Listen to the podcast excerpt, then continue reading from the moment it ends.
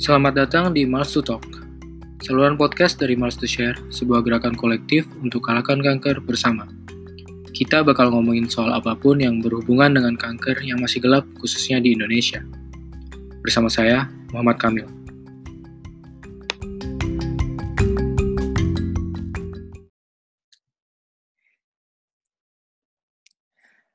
Assalamualaikum warahmatullahi wabarakatuh. Uh, Waalaikumsalam. jadi uh, hari ini aku lagi sama Hada online, terhubung secara online lewat apa nih Zoom ya. Baru pertama kali aku nyoba Zoom. eh dulu pernah ya sama yang lain tapi lupa. Iya pernah pernah waktu itu. Nah, terus yang hari kayak semuanya ngomong. hari ini kita ngerekam Zoom kita demi konten, konten untuk uh, podcastnya Miles to Talk yang uh, kita udah apa namanya udah sepakat sebulan sekali gitu. Halo. Terus uh, dari bulan 2 sama 3 kemarin udah sekali-sekali. Terus bulan 4 ini ternyata waktu ternyata semuanya uh, aneh, ya nggak sih? Ternyata semua berjalan tidak sesuai rencana. Iya, uh, seharusnya saya uh, pulang Indonesia. Jadi ya nanti habis ini kenalan sendiri-sendiri ya. Jadi saya lagi nggak di Indonesia. Se- seharusnya udah di Indonesia tapi nggak bisa karena waktunya aneh ini. Sedih nggak? Ya, ya tapi eh, kita mungkin eh, nggak perlu ngomongin itu secara detail, ya nggak? Eh, Sama-sama tahu aja ya. sama-sama tahu ya kalau bulan April 2020 ini adalah waktu Masa berat untuk banyak orang. aneh banget. Strange time. Oke. Eh, terus untuk masuk talk, jadi kita bakal ngomongin kanker seperti biasa. Eh, pertama ada tiga, ada beberapa hal. Pertama kita kenalan dulu. Eh, sebelum ini dua kali saya jadi hostnya Mas Talk, saya Kamil. Eh, tapi si Hada ini baru datang nih, asik. Tapi sebenarnya dia orang lama di Mas to Share. Gitu. Jadi kita pengen kenalan masing-masing. Tapi biar seru, aku ngenalin Hada, Hada ngenalin aku. Eh, ya begitu. Oke. Gimana? Iya. Coba dulu. Coba dulu. Coba duluan dong. Jadi aku Biar ada ngenalin. cowok kan buat ngebales. Oke. ini bukan roasting ya. Ya, ini aja. Oke. Eh, Hada, Hada ini dulu eh, pas pertama saya aku aku aja. Pertama aku bikin Mas to Share sebagai eh, hanya fundraising aja. Terus eh, tiba-tiba beredar eh, lumayan ini ya di internet dan Hada kebetulan pas itu kecap eh, nemu nemu aja kan, nemu aja di online. Ini interaktif nggak apa-apa ya. Kalau salah langsung iya. di ini aja. Bukan roasting stand up. Gua- Aku akan dukung kamu saat ini. terus terus. Terus si apa namanya? Pas itu tiba eh, saya kan campaign karena saya baru selesai didiagnosis kanker dan saya lari dan eh, lari Borobudur Marathon rencananya sambil ngumpulin dana buat rumah singgah di Yayasan Kanker. Terus Keren si banget gitu kan lo pada saat itu. Kayak ngambil, oh my god, oh my god, oh my god. Iya, oke. Ini nyeritain ada dulu kak, kakak. Terus, Oh iya, iya, iya. Terus si eh, ketemulah si Hada tiba-tiba ya, tiba-tiba ada yang nge-DM gitu di eh, Instagram. DM terus eh, aku beneran beneran nggak tahu ini Hada ini siapa dan nggak terlalu kepo juga pas itu soalnya trafficnya lumayan tinggi. Berarti sekarang sekarang kepo berarti ya? Kalau dulu nggak kepo kan? Enggak. Kalau Dulu awal-awal nggak kepo, terus beberapa saat jadi kayak ngeh gitu kalau Anjis Hada ini selebgram gitu. Itu beneran ada beberapa kurun waktu gitu, berapa hari gitu baru kayak notice gitu. Eh, selebgram dan kok kayaknya eh, isi fotonya kok ada kayak artisnya gitu. Eh, Indro Warkop gitu. itu kan terkenal banget ya di Indonesia iyalah. Ternyata ini anaknya, terus eh, usut punya usut dia lagi care jadi caregiver, jadi eh, apa namanya pemimpin dalam keluarganya untuk eh, merawat eh, mamahnya yang almarhum mamanya yang lagi ngadepin kanker. Gitu. Terus habis itu eh bentar aku eh bales ini Pujo dulu. ini podcast nanti di, nggak usah dipotong nggak apa-apa lah ya. Gini. ini kehidupan kita apa adanya. Sebelah gue ada anak-anak gue lagi camping gelar-gelar selimut. Oh, iya. Bentar ya, ini udah di rumah lagi ngerekam podcast. Udah, terus habis itu uh, apa namanya? Habis itu aku jadi tahu, jadi connected, jadi ngobrol di pas itu bener-bener uh, di Instagram dulu, terus ngobrol bahwa gini gini gini cerita-cerita masing-masing Dan Hada ini kayak pengen bantu banget, terus aku ya menerima lah bantuannya. Bantu dalam arti itu kan, untuk kampanye itu kan, fundraising-nya. Terus alhamdulillah positif banget, terus sampai ada satu titik pas itu deket-deket eventnya, uh, aku ke Jakarta, kebetulan lewat lewat Jakarta kan pulang ke Indonesia, kan rumahku di Semarang.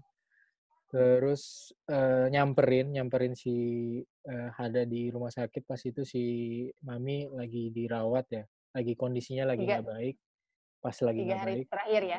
Iya tiga hari terakhir pas nyamperin, habis itu Mama uh, akhirnya di ini meninggal, ya kan ya? Mama meninggal. Bener-bener abis saya ini, habis aku samperin gitu. Jadi kayak uh, energinya tuh ya begitulah. Se seiring harus, sih harus Jadi, ketemu pokoknya harus ketemu dulu.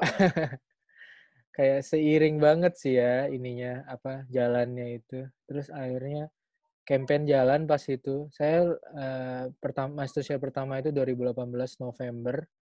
Itu puncaknya di Borobudur Marathon. Uh, si Hada dari jauh sih dari jauh mendukung terus dari secara online mendukung banget. Terus akhirnya kita juga alhamdulillah berhasil Nah, habis itu uh, berlanjut kan Master Share-nya. Master berlanjut, bla bla bla. Si Hada ini ini malah sangat aktif. Soalnya saya kan pas itu nggak di Indonesia. Jadi uh, yang di Indonesia justru digerakin sama Hada gitu ya. Ya nggak sih? Asik. Provokator gue nih. Iya. Dan Hada yang sebelum uh, Mas Tushar itu pas awal-awal dukung itu bener malah belum kepikiran lari ya. Nanti kita bahas ya. Sekarang jadi pelari gitu. Lari kompleks. Ya, ya istilahnya uh, inilah aku influence hobinya dia yang sekarang. aku mengklaim. Oke, okay, it's okay kan. Berawal dari pemaksaan. Iya. Jadinya ya ada ini dalam Master Share di posisi yang penting juga ini udah dua jalan dua dua dua tahun jalan ada ini jadi kayak motornya juga jadi istilahnya founder juga lah gitu. Nanti mungkin kita bakal ngebahas masih share lebih dalam tapi istilah si Hada ini uh, sangat promote sama uh, kehidupannya dia, ceritanya dia untuk jadi caregiver dari pejuang kanker. Jadi promote akan uh, suka dukanya sama perjalanannya dan arti-arti uh, uh, arti-arti uh, nilai-nilai nilai-nilai yang kita kita kampanyekan dalam hashtag ini kan kalahkan kanker ini. Jadi ya. aku jadi bingung ini intinya apa ya? Pokoknya sih ada ini adalah uh, motor dari. Nah, ini adalah pokoknya. Ah, dengan pengalamannya uh, ngelawan kanker di maminya. Gitu. Ya. Nanti ditambahin ya. Ya, kurang lebih betul. Ya. Terus aku ini apa? Ada? Kamil. Kamil itu adalah orang gila kan? Gue selalu memperkenalkan lo dengan uh, awal bahwa Kamil itu orang gila yang mengakui dirinya gila. Bener gak sih? Ya, uh, dari banyak sisi mungkin satu sisi begitu. Oke. Okay. Jadi, uh, oke okay, gue dimarahin sama anak gue karena gue bilang gila Enggak, aku nggak ngatain Om Kamil, no, oke. Okay? Uh, eh, terus jadi gini, uh, Kamil itu gini, Kamil menurut gue Kamil itu awalnya adalah uh, awalnya gue melihat dia sebagai supporter uh, pejuang kanker uh, dalam arti yang luas dan mungkin um, apa namanya orangnya tuh vokal banget gitu kan. Tapi itu sebelum kenal Kamil banget uh, secara online. Walaupun secara, tetap secara online, mau kenal banget pun sampai saat ini masih sebatas online. Nah, um, terus awalnya gue dapet cerita dari uh, adiknya temen gue yang pejuang kanker juga. Di, di share lah satu videonya Kamil yang waktu itu campaign untuk si Bormar inilah sama kita bisa kan waktu itu kan. Terus um, gue melihat Kamil bisa menjadi satu sosok yang menyemangati nyokap gue dalam menjalani hidup dengan kanker yang memang dia tidak pernah uh, satu kali pun tuh nggak pernah benar-benar yang menolak si kanker. Jadi sebenarnya ekspektasi kita namanya orang difonis kanker tuh kan wajar banget untuk shock, untuk uh, denial. Adalah masa-masa itu harusnya dilewati menurut gue. Tapi nyokap gue menurut gue nggak terlalu melewati itu karena uh, kalau gue selalu bilang dia nih punya gengsi nomor nol di atasnya satu gitu kan. Nah, jadi dia gengsi untuk bilang bahwa dirinya terpukul gitu. Nah, sosok-sosok seperti Kamil ini kan gue sangat gue butuhkan sebagai supporter utama uh, nyokap gue ini. Nah, akhirnya gue cari tahu, gue lihat-lihat Kamil, akhirnya gue memberanikan diri benar-benar uh, ya udah random aja nge-DM kayak netizen gitu. Pokoknya memang ternyata semua orang tuh pernah jadi netizen gitu kan. Terus akhirnya gue DM Kamil dan direspon sangat baik gitu kan. Akhirnya pokoknya singkatnya adalah si akhirnya lama-lama gue jadi tahu nih cerita kankernya Kamil, terus uh, Kamil tuh di Jepang. Kenapa bisa jadi akhirnya di Jepang? Keluarganya siapa aja. Terus akhirnya gue beberapa kali kok gue minta Kamil bikin video buat uh, nyemangati nyokap gue sampai pada saat-saat terakhir di mana nyokap gue nggak bisa pup.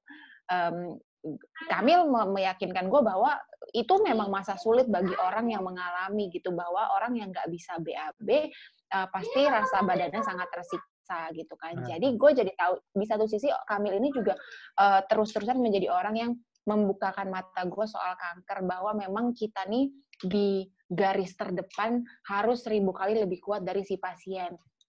Jadi Aduh, kekuatan jadi pasien biasa aja. Ini udah gue rencanain banget tuh ngomong kayak gini.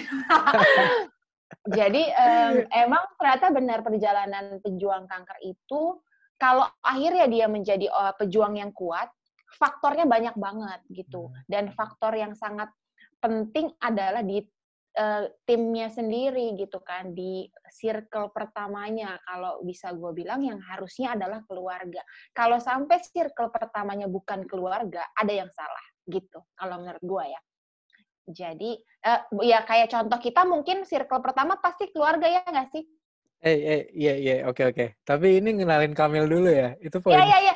Gue baru mau bilang, ini gara-gara ada, oh iya bener juga, gue ke mana-mana ya. Nanti tolong dipotong, dipindahin ke bagian yang iya. sesuai ya. Oh iya, gampang lah. Okay. Ya, Tapi kita okay. ngomongin caregiver habis ini, habis kenalan ya. ini, kita bener ngomongin itu. Aku setuju. Jadi, hmm. iya benar. Jadi pada saat Kamil itu hadir di kehidupan perjuangan, perjuangan mami, hmm. um, gue jadi punya contoh nyata gitu. Nah, karena kan pada saat namanya nemenin kan harus ngasih contoh hidup kan, selain hmm. contoh gagal untuk bersiap yang terburuk gitu. Nah, um, akhirnya dengan ada Kamil ini, gue tuh punya jadi banyak ilmu gitu kan. Kita tuh nggak boleh so tau kan. Jadi hmm. kenal sama Kamil, seorang dokter yang uh, mengalami langsung sakit kanker dan mendalami sakit ini akhirnya menjadikan gue punya ilmu instan. Nah, Hmm. Akhirnya makin dekat, makin dekat terjadilah gue nyemplung di Miles to Share. Hmm. Karena Kamil. Pokoknya alasan utama gue memang Kamil pada saat itu. Terus akhirnya gue jadi tahu orang ini tidak bisa dibendung. Orang ini punya ide yang banyak, gampang dicolek, berapi-api, dan memang membutuhkan pagar. Nah, Kamilah ini menurut gua wadah ini ya jadi pagernya Kamil gitu. So, pagar pagar sekaligus supporter utamanya Kamil gitu kan. Jadi emang kenal sama Kamil ini nano-nano rasanya gitu kan. Iya, uh, berapi-api karena dia uh, tapi akhirnya juga harus ya itu akhirnya merasakan keluarga, merasakan uh, keluarga baru um, yang berfaedah ya. Ini keluarga berfaedah ya kita ya. Iya, ya bermanfaat sama inilah beberapa ya. Gila, ya. pokoknya gue tuh baru ketemu sama Kamil tuh sekali. gue baru ketemu sama Kamil benar-benar satu kali, tapi kayak uh, iya, apa ya? yang kita lakukan dua tahun ini menurut gue besar banget dan hmm. semuanya kita lakukan buat orang lain nggak ada yang buat diri hmm. sendiri gitu jadi kayak pertemanan ini menurut gue uh, mungkin apa ya hubungan jadi kita kan punya hubungan pertemanan punya hubungan pekerjaan punya hubungan persaudaraan hmm. akhirnya gitu ya. Tapi kayak semua ini disatukan sama satu sisi gelap masing-masing satu cerita gelap yang akhirnya menurut gue uh, jadi terang, ini nggak ya? boleh di stop gitu kan. Ya, ya, ya mudah-mudahan akhirnya menjadi terang buat banyak orang gitu kan. Hmm gitu. Jadi Kamil tuh menurut gue pokoknya adalah seseorang yang um, berapi-api, tidak terbendung. Itu komplimen tapi, banget ya. Oke oke, makasih. ini ini harus dimasukin. Habis itu Uh, tapi intinya gitu kita punya visi yang sama gue hmm. cocok hmm. dengan uh, misinya Kamil gitu jadi memang kita harus sering melengkapi ada yang ada yang ada yang bisa ada yang bisa ini ada yang nggak bisa itu jadi ya udah emang porsi kami ini uh, luar apa dek? Mau apa? Satu kan? Oke okay. gambar yang bagus ya. Terus jadi uh, kenal sama Kamil uh, menurut gue apa? Gue harus bilang apa sih kenalan sama lo? Pokoknya Kamil jalan lah jalan hidup yeah. lah ya. ya intinya adalah gini uh, Kamil adalah menurut gue Kamil jebakan Batman ya. seorang yang menjebak oh enggak. Seseorang yang uh, ngasih gue uh, apa bukti nyata bahwa kalau kita menghadapi sesuatu pertamanya itu dimulai dengan membantu diri sendiri semangat gitu kan hmm. karena gue bisa lihat itu di dia gue bisa lihat itu di dia dari cuman lo nonton videonya aja video satu menit itu itu sudah gue rasa more or less lo ke, bisa ke, bisa tahu kami orang yang seperti apa gitu apa yang Asik. mau dia sampaikan apa yang mau dia sebarkan kelihatan dari video itu gitu. Jadi ya. Masuk ya, masuk masuk. Masuk. masuk masuk. Aku Oke, ini ada juga ya. Uh, Tapi aku aku nambahin ke Hada boleh nggak? Tadi lupa ini lupa memuji. Boleh, boleh. Asik. Jujur kita pernah rada. Aku aku ngerasa aku pernah berantem sama Hada. Tapi nggak tahu adanya ya. Berantem dalam arti aku ngeritik dan ada mungkin nerimanya nggak terlalu ini ya. Iya itulah. It's okay. Tapi ya nggak sih? Nggak tahu nggak tahu. Terus ya emang pertemanan tuh kan naik turun ya? Iya iya. Jadi di eh, gengnya Mas Share ini ada beberapa orang ya pasti pasti ada naik turun. Aku juga ngerasa aku sempet jenuh sebel tuh aku ngungkapin juga pernah. Ya perjalanan oke. Okay. dan Hada ini aku salut karena sebagai awam sebagai orang awam dia tuh bisa si Hada ini bisa lebih dari itu gitu nggak nggak seperti uh, commoners gitu. Apa sih? Soalnya aku rada-rada uh, uh, mengecap ya mengeneralisasi bahwa awam ini susah banget terima soal kanker gitu. Dan Hada ini bisa lebih dari itu Hada dan keluarganya. Jadi alhamdulillah banget sih ketemu Hada dan kita bisa jalanin miles to share ini. Yang sebelumnya miles to share mungkin belum ada rangkanya sekarang pelan-pelan ada rangkanya dan mungkin 10-20 tahun lagi Mas Share bakal lebih dari yang sekarang banget ya. Ya moga-moga amin. Haruslah. gitu. Jadi eh, perkenalannya sekitar gitu, gitu dan Hada ini sekarang lagi jadi ibu rumah tangga tetap. Uh, terus dulu almarhumah mami pas itu ngelawan penyakitnya 2000, 2018 ya 2017 sampai 2018. Ya, Jadi uh, kira-kira udah dua tahun melewati itu dan tapi rasanya mami tetap hidup sih. Ya nggak sih? Asik. mami tetap hidup buat uh, ngasih uh, jadi fondasinya Mas Share juga sebenarnya. Dan ratusan nyawa-nyawa lain yang berhasil menang sama kanker. Asik. Oh. Dan kebetulan aku uh, ditakdirkan untuk di uh, selamat aku sebagai penyintas dan uh, dan pengen ngebawa message-message dari para pejuang itu bahwa ini bukan hanya soal penyakit uh, salah satu penyakit yang simple gitu tapi luas banget ya ya nggak? Ada ya betul.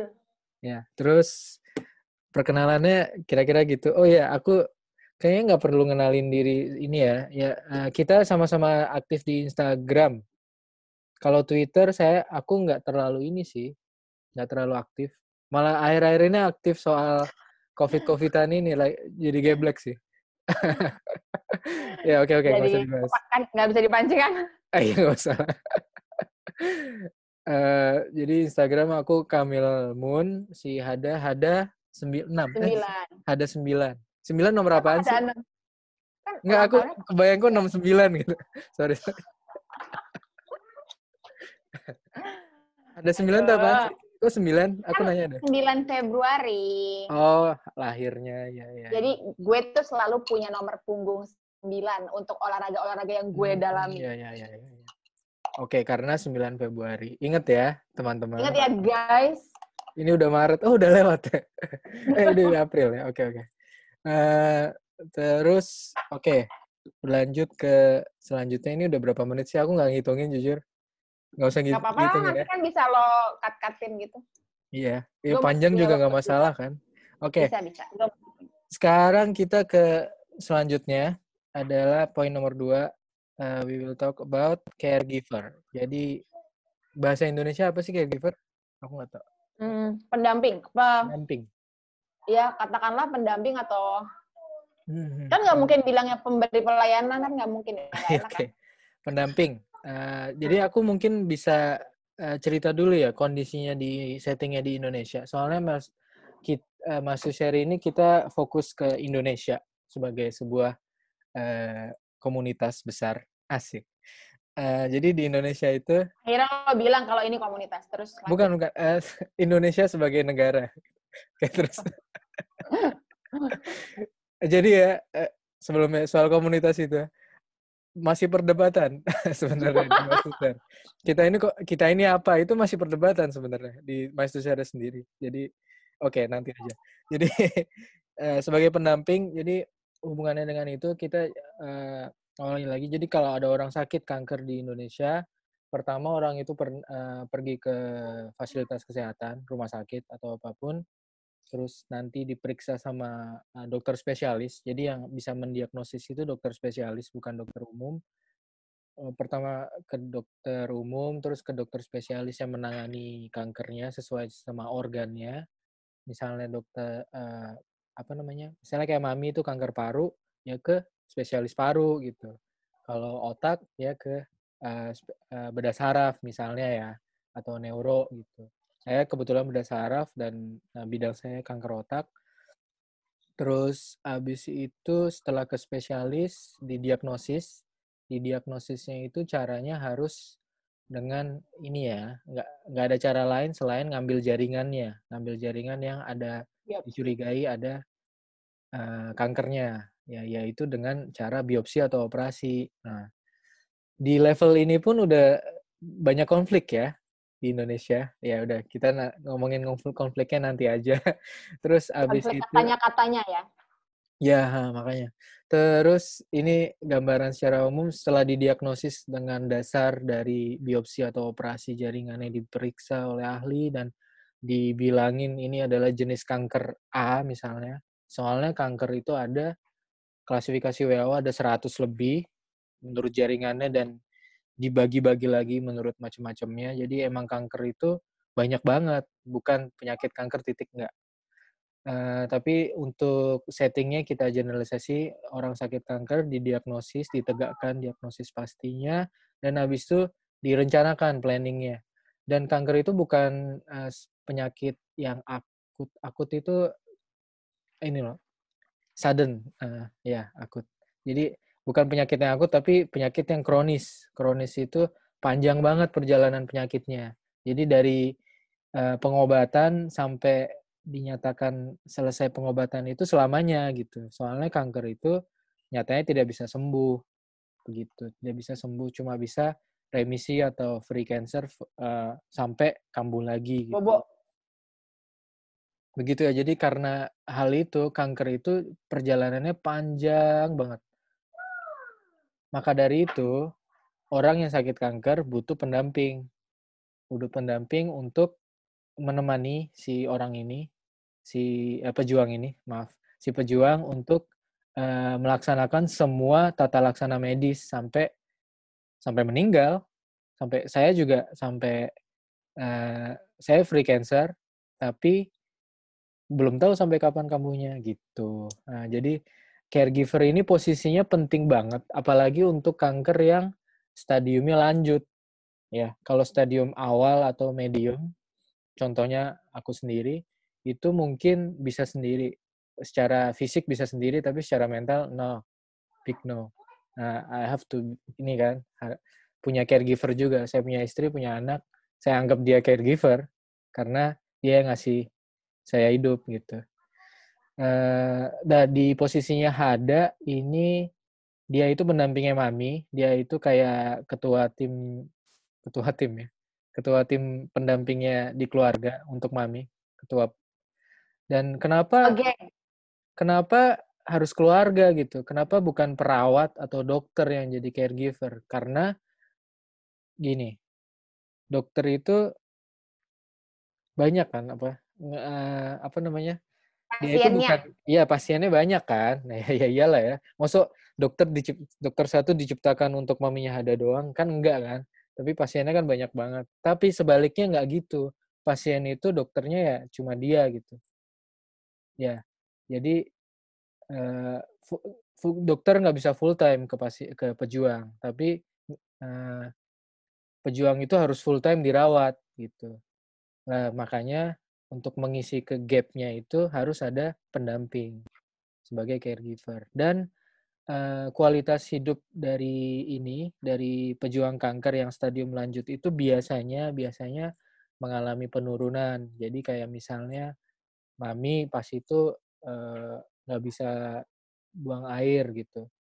Jadi yang support semua semuanya ya termasuk pendamping dan misalnya pada kondisi yang tidak stabil bisanya tiduran ya dia nggak bisa dong ngurus macem-macem ngurus ini daily activity-nya nggak bisa. Misalnya ngambilin uh, minum di dapur gitu kan yang harus harus dibantu kan sama pendampingnya masa uh, dokternya harus selalu ada untuk itu kan nggak juga. Jadi uh, secara teknis caregiver itu adalah uh, posisi apa namanya pers personal apa individu yang sangat penting dan uh, sangat mempengaruhi outcome atau uh, perjalanan penyakitnya. Saya nggak bilang kesembuhan ya, tapi perjalanan penyakitnya sangat uh, penting adanya caregiver.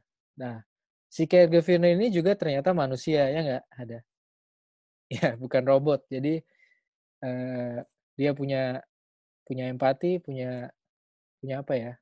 Punya semua hal yang sebagai hidup. Jadi Hada juga manusia. Jadi Hada juga punya emosi, punya macam-macam. Jadinya misalnya kalau aku lihat Hada kenapa bisa jadi pemimpin di keluarganya padahal kan keluarganya ada banyak ya. Ada papi, ya kan? Ada kakak, ada adik. Tapi Hada jadi pemimpinnya. Soalnya nggak semuanya kuat gitu. Nggak semuanya bisa ngelakuin itu. Nggak semuanya tega. Misalnya ya, misalnya ini aku rada-rada so tau kalau ini. Jadi nanti biar ada cerita. Jadi kira kira-kira begitu. Caregiver itu posisinya uh, justru adalah uh, orang yang paling penting. Bahkan lebih penting dari dokter gitu. Menurut saya begitu. Lebih penting dari perawat. Lebih penting dari semuanya. Jadi pejuang kanker itu sepaket sama caregiver. Jadi untuk kalahkan kanker harus ada caregiver yang oke okay juga. Nah, kalau itu miss berarti kayaknya nggak bisa optimal kalahkan kankernya gitu. Gimana Hada? Aku cukup menerangkan nggak? Cukup. cukup abis itu oh udah udah cukup udah benar tuh tadi kan jadi ini aku mau bawa si Giring si Hada ini cerita gitu cerita uh, sisi sebagai caregivernya gitu dari mm -hmm. pertama kenapa kamu seolah-olah menjadi pemimpin ininya caregiver contoh ya jadi contoh ya. Dan sampai uh, mama sampai nggak nggak baik dan sampai akhirnya benar-benar menang uh, meninggal itu perjalanannya gimana sebagai caregiver? Kamu ngadepin mama sendiri mami sendiri gimana? Kamu ngadepin uh, tim caregiver yang lain kayak ngadepin papi ngadepin adik kakak saudara netizen itu gimana gitu Soalnya yang peduli banyak kan? Banyak, banyak banget. Karena ya itu sebenarnya emang benar sih. Oke, kita mulai ya. Jadi, um, awalnya gini, awalnya kan pasti kan uh, ceritanya awalnya adalah uh, keluhannya apa sampai singkat cerita akhirnya difonis kanker. Hmm. Nah, uh, sayangnya mami itu ketika difonis kanker sudah stadium lanjut. Kenapa? Uh, singkat cerita lagi karena prosesnya beberapa hari di awal hasil hasil pada saat kanker itu ditemukan itu adanya udah di uh, paru kanan, paru kanan udah udah besar sekali uh, di mediastinum ya. Hmm, nah, itu ruang di antara paru-paru. Nah, okay, yes. Gitu. Terus makanya waktu biopsi agak sulit karena katanya posisinya di dalam. Jadi itu sempat dicoba dua kali karena kan biopsi itu kan hasil PA-nya ada beberapa ya, ada beberapa, hmm. ada tiga kalau nggak salah. Nah, yang dua tidak uh, tidak menyatakan Spesifik. Hmm. bisa tahu, jadi lagi nunggu yang tiga. Tapi kata dokter, uh, mami kan harus segera dicari tahu gitu kan. Jadi paralel langsung PET scan. Walaupun ternyata pas biopsi itu yang hasil ketiganya udah tahu hasil uh, jenisnya juga ternyata benar adenokarsinoma pada saat yes, itu. Yes, yes. Nah, tapi untuk tahu ya. level stadiumnya harus tahu PET scan gitu. Iya, PET scan. Nah, akhirnya ternyata sayangnya pada saat ketahuan itu um, mami itu udah ada di paru, getah bening, paru kanan kiri, kiri udah nodul kecil-kecil, terus hmm. tulang leher belakang, uh, tulang punggung, terus ke bawah sampai tulang pantat sampai tulang paha kanan. Hmm. Terus hati ada yang tidak terukur, usus ada kecil tidak terukur. Jadi pada saat itu sudah di mana-mana. Pokoknya seingat aku tuh ada 14 titik lah, beberapa hmm. 14 atau 13 titik. Jadi uh, pada saat itu memang katanya sudah stadium lanjut. Itu kan kalau kayak gitu informasi pure aku dapat dari dokter kita tampung gitu ya. Yes. Nah, pada saat pada saat difonis kita langsung kumpul keluarga malam itu juga. Um, pada mami saat, gimana mami? Kondisinya mami pas itu gimana? Mami Masih... udah di ruang rawat ya. Jadi kan hari itu pada saat ketahuan itu kan akhirnya ronsen di hari itu kan. Yes. Terus Alia, Alia. Terus jadi pada saat ketahuan itu kan karena uh, ambil hasil ronsen. Ada, itu bentar, bentar. Itu uh, gejala utamanya mami sampai di rumah sakit itu apa? Jadi mami itu sekitar hampir enam bulan batuk.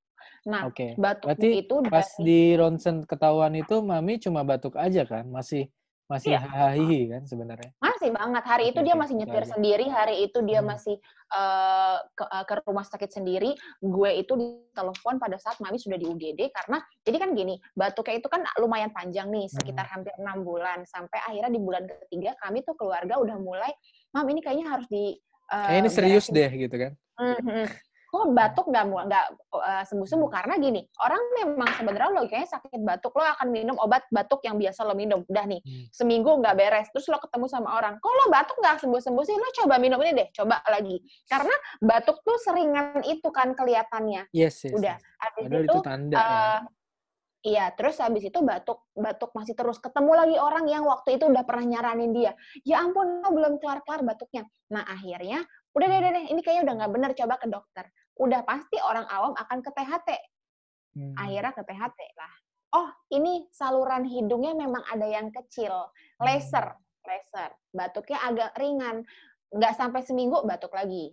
Udah. Nah, batuknya tuh lama-lama uh, batuknya dalam dan kita kalau lihat dia batuk, aduh gitu loh, kayak hmm. pasti sakit banget nih batuknya. Batuknya tuh dalam, oh gitu kan. Nah, ada ya, batuk yang gitu kan Iya, dan ada batuk yang bikin dia ketarik badannya tuh rasanya ketarik sama ada batuk yang bisa dia handle gitu. Nah, hmm. batuk yang tidak bisa dihandle itu membuat dia harus rebahan.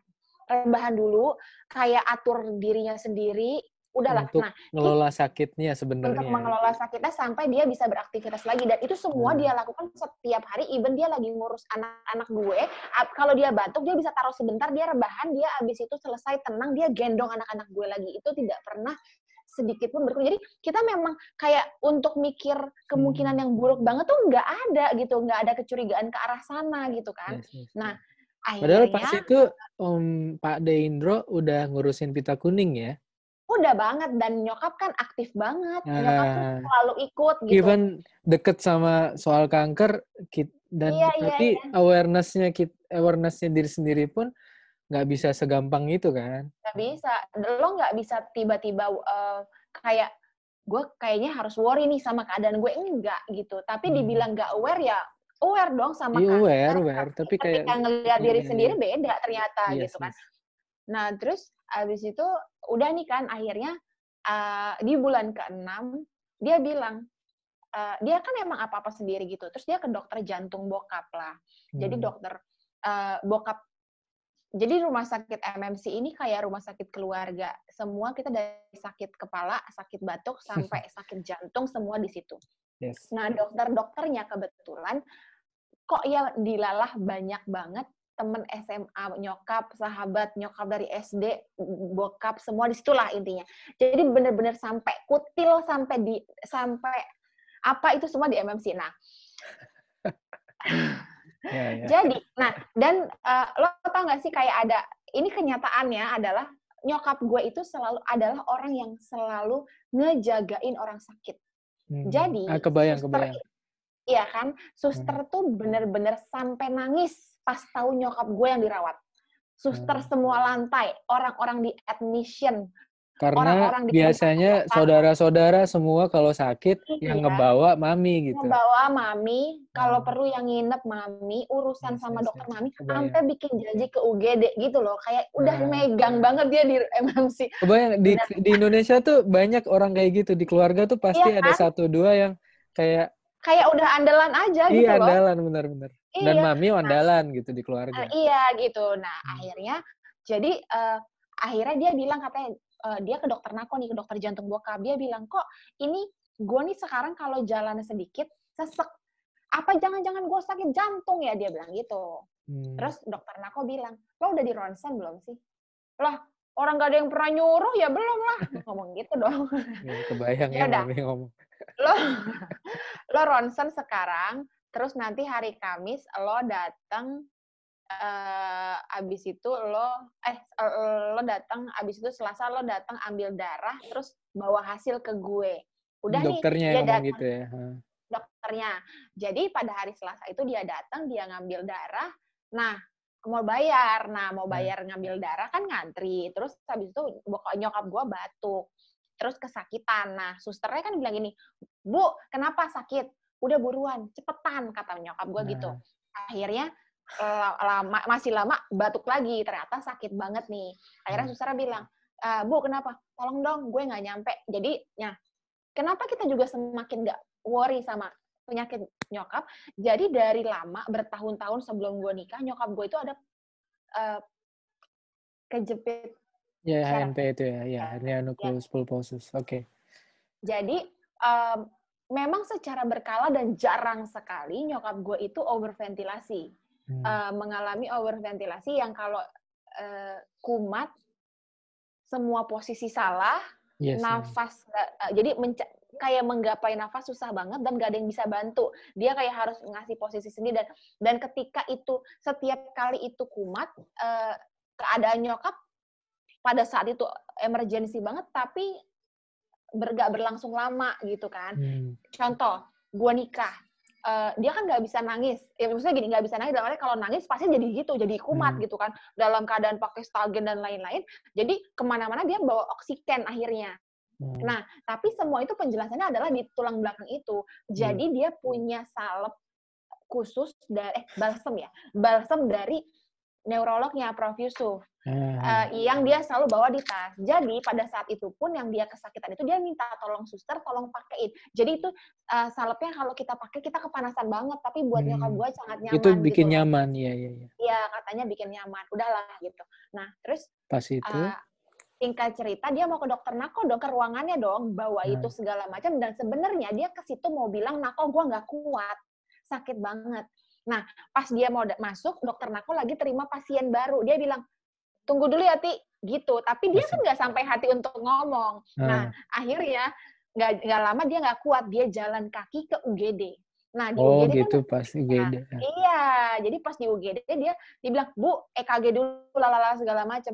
Dia bilang, "Nggak usah EKG gue, panggil dokter Nako, gue baru di EKG kemarin," kata dia gitu kan. Uh. Akhirnya dokter Nako ditelepon. Udah dari situlah akhirnya pas uh, dokter Nako lihat hasil scan, Ronsen. tapi kan baru baru scan biasa ya, baru ronsen, ronsen biasa. ya.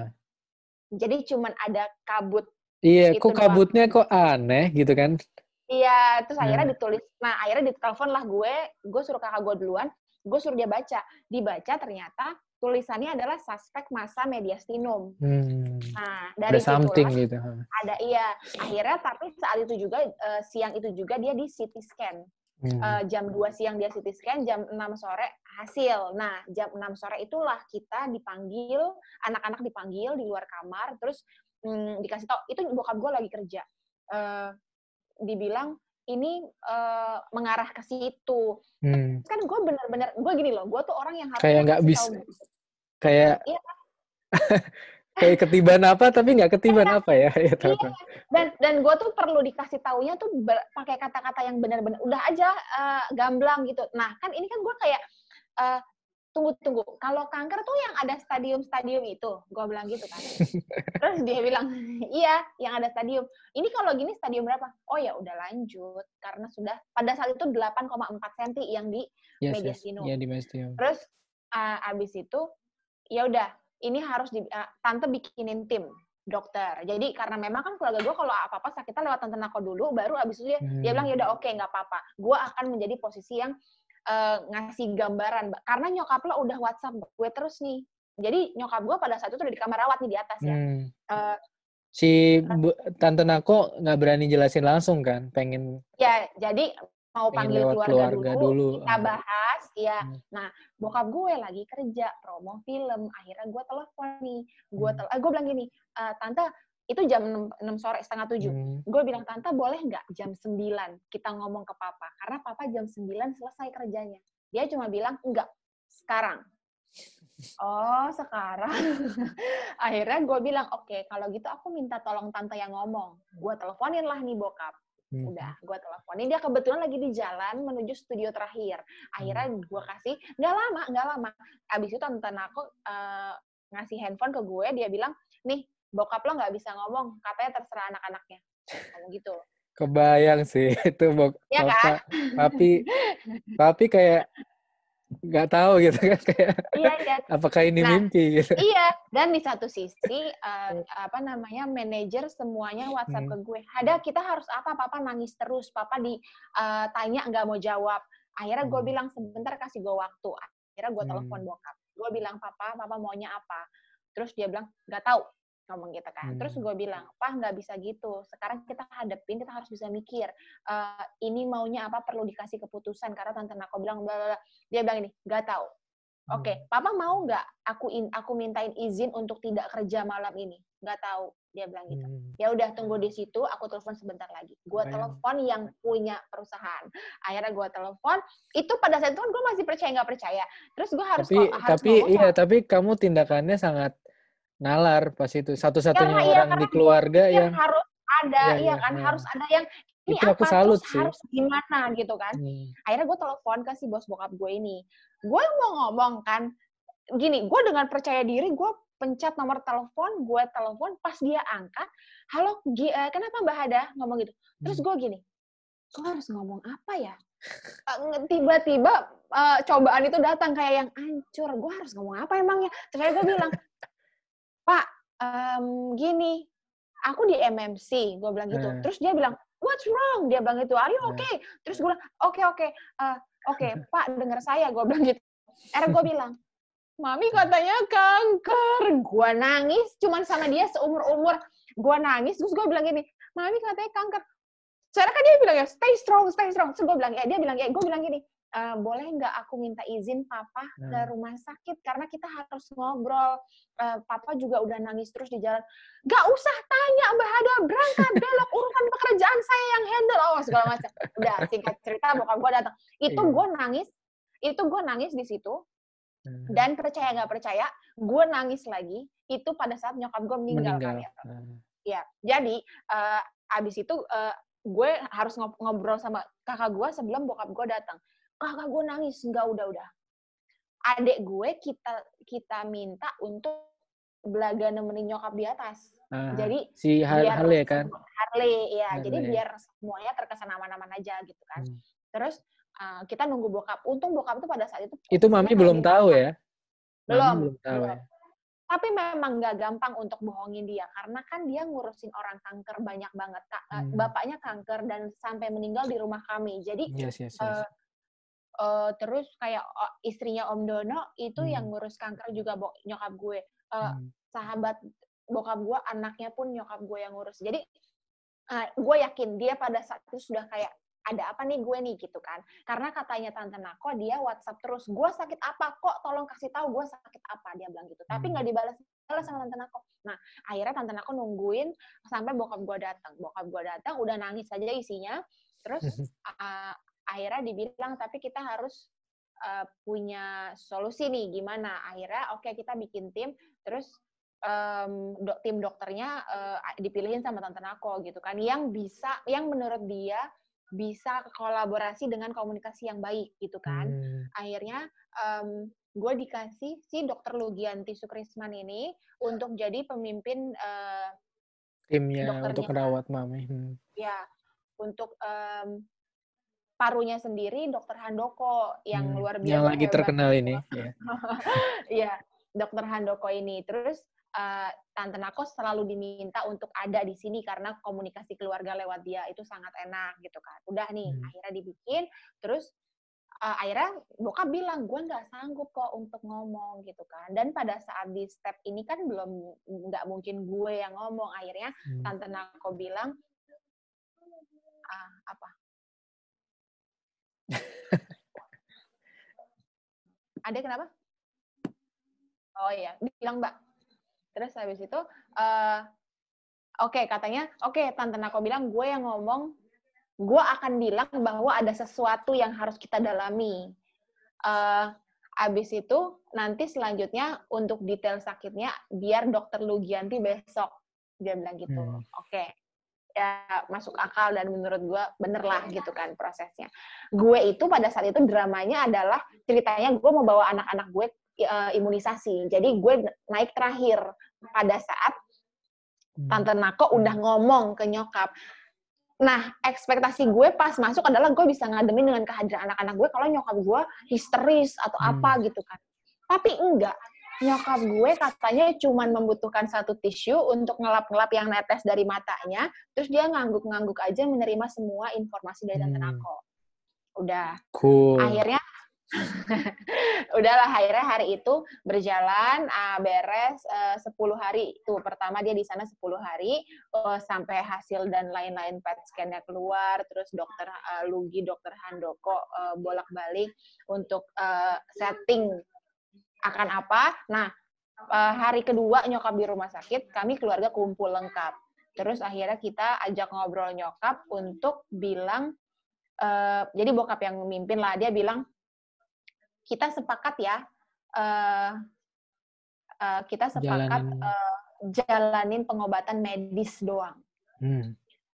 Nyokap ngangguk, nyokap bilang iya maunya medis doang, tapi pokoknya aku mau diapain aja asal setiap hari Alia sama Kia ketemu aku. Dia hmm. bilang gitu. Oke, okay gue nggak pakai mikir lah gue nggak pakai mikir gue iyain uh, yang penting mami nggak boleh patah semangat gitu kan hmm. terus uh, pokoknya singkat cerita akhirnya sekolah anak-anak gue gue pindahin deket rumah segala macam uh, kegiatan kami semua benar-benar dari pagi sampai malam itu di kayu putih malam kami pulang besok seperti itu lagi gitu terus dan hal-hal yang akhirnya gue merasa bahwa benar uh, ada apa ya ada ada ada ada namanya psikis hati um, hmm. itu mengobati adalah kalau gue izin satu hari nggak datang karena hal yang memang menurut gue penting untuk kehidupan pribadi gue laporannya selalu nggak enak gitu kayak hari ini nggak berhenti batuknya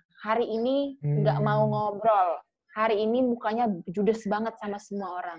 Oke oke besok aku datang misalnya gitu ya. Yeah, iya. harusnya dalam kondisi seperti itu dong gue datang enggak bisa nidurin anak gue nyanyi nyanyi semuanya baik-baik aja gitu kan. Yeah, yeah. jadi iya itu nyata gitu loh. Uh, jadi nyata yang penting tuh keberadaan kan iya dia nggak perlu gue ngapa-ngapain dia nggak perlu anak, keberadaan gue nyanyi ya. pokoknya ada di situ yeah.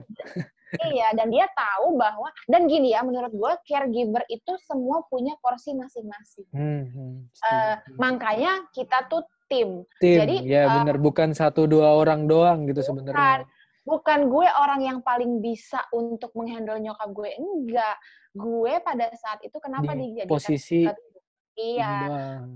Semua semua komunikasi dokter lewat gue. Artinya gue punya konsekuensi setiap visit dokter, setiap uh, kontrol harus gue ada. harus ada hmm. gue harus nyatet, gue harus share ke keluarga mana aja yang sudah kita jadikan orang-orang yang harus tahu update nyokap gue, hmm. uh, karena karena uh, bokap gue kebetulan banyak yang kenal, yang perhatian banyak, yang mendoakan banyak, akhirnya yang intervensi banyak gitu kan. Hmm. Um, semua. Kebayang intervensinya apa aja. yang mana intervensinya pasti niatnya baik. Gitu yeah, kan? yeah, Jadi itu, ada cobaan banget buat kita untuk bisa merespon semuanya dengan baik hmm. dan sama gitu kan. Kayak percaya deh, percaya deh. Ini kemarin omku 8 tahun dia bertahan. Dia cuma minum ini setiap hari. Direbus, airnya diminum. Tiap Masuk. pagi, pokoknya tiap pagi gitu. Contohnya gitu. Terus yeah. ini iya. pakai alat ini, taruh di tempat yang sakit aja pokoknya. Nah, hal-hal seperti itu nggak ada yang boleh gue lawan gitu kan. Hmm, nggak gitu iya. caranya. Nah, tapi kayak gini-gini nggak bisa otomatis dari setiap orang. Akhirnya, nah itu salah satu peran gue sebagai uh, kayak ketua tim ini. Ya, sana main hula. Iya, ketua tim. Itu ketua tim. peran gue sebagai ketua tim ini untuk selalu gini, gue tuh sampai di tahap yang berani untuk bilang, Iput, hmm. Harley, tolong siapa pun yang merasa terganggu dengan saran siapa pun, tolong jawab iya. Tolong jawab terima kasih. Kita harus menjaga nama baik keluarga, kita harus menjaga mood mami, itu yang paling utama. Jadi kesampingkanlah rasa sakit hati lo semua.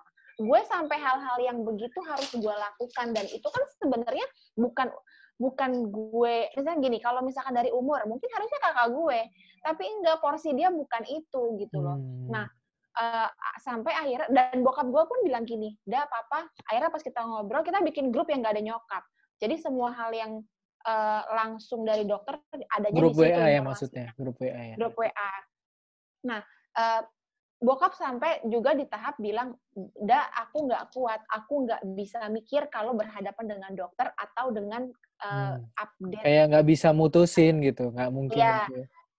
Aku Jadi. minta tolong, pokoknya kamu memimpin, aku tinggal sediakan apa yang harus aku sediakan. Atau hmm. kalau kamu minta ACC, aku akan bilang iya, tapi semua pemikirannya tolong dari anak-anak, dia bilang gitu kan.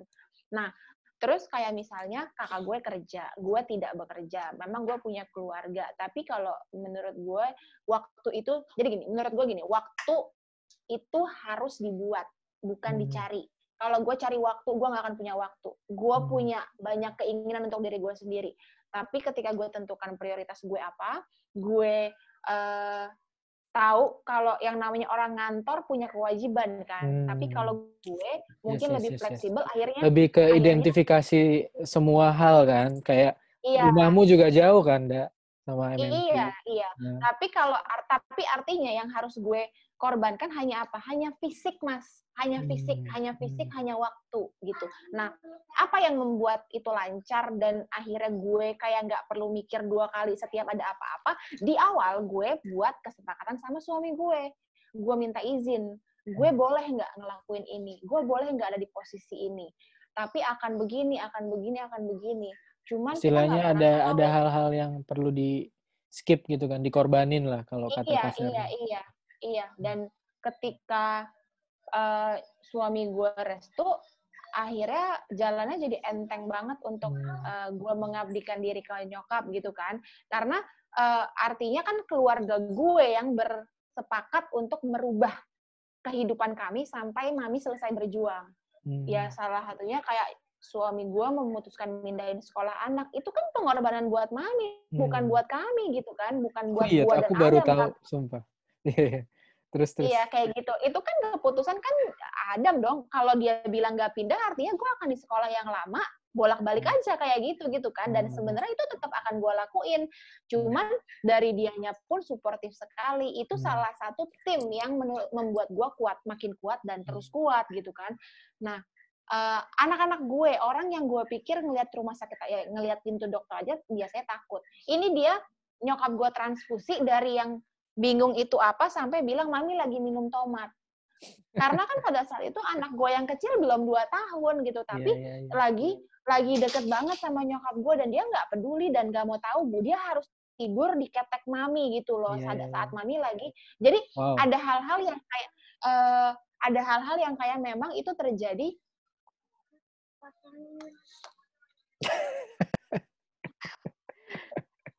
ibu rumah tangga. Iya, pasangin hula hoop ya. Iya.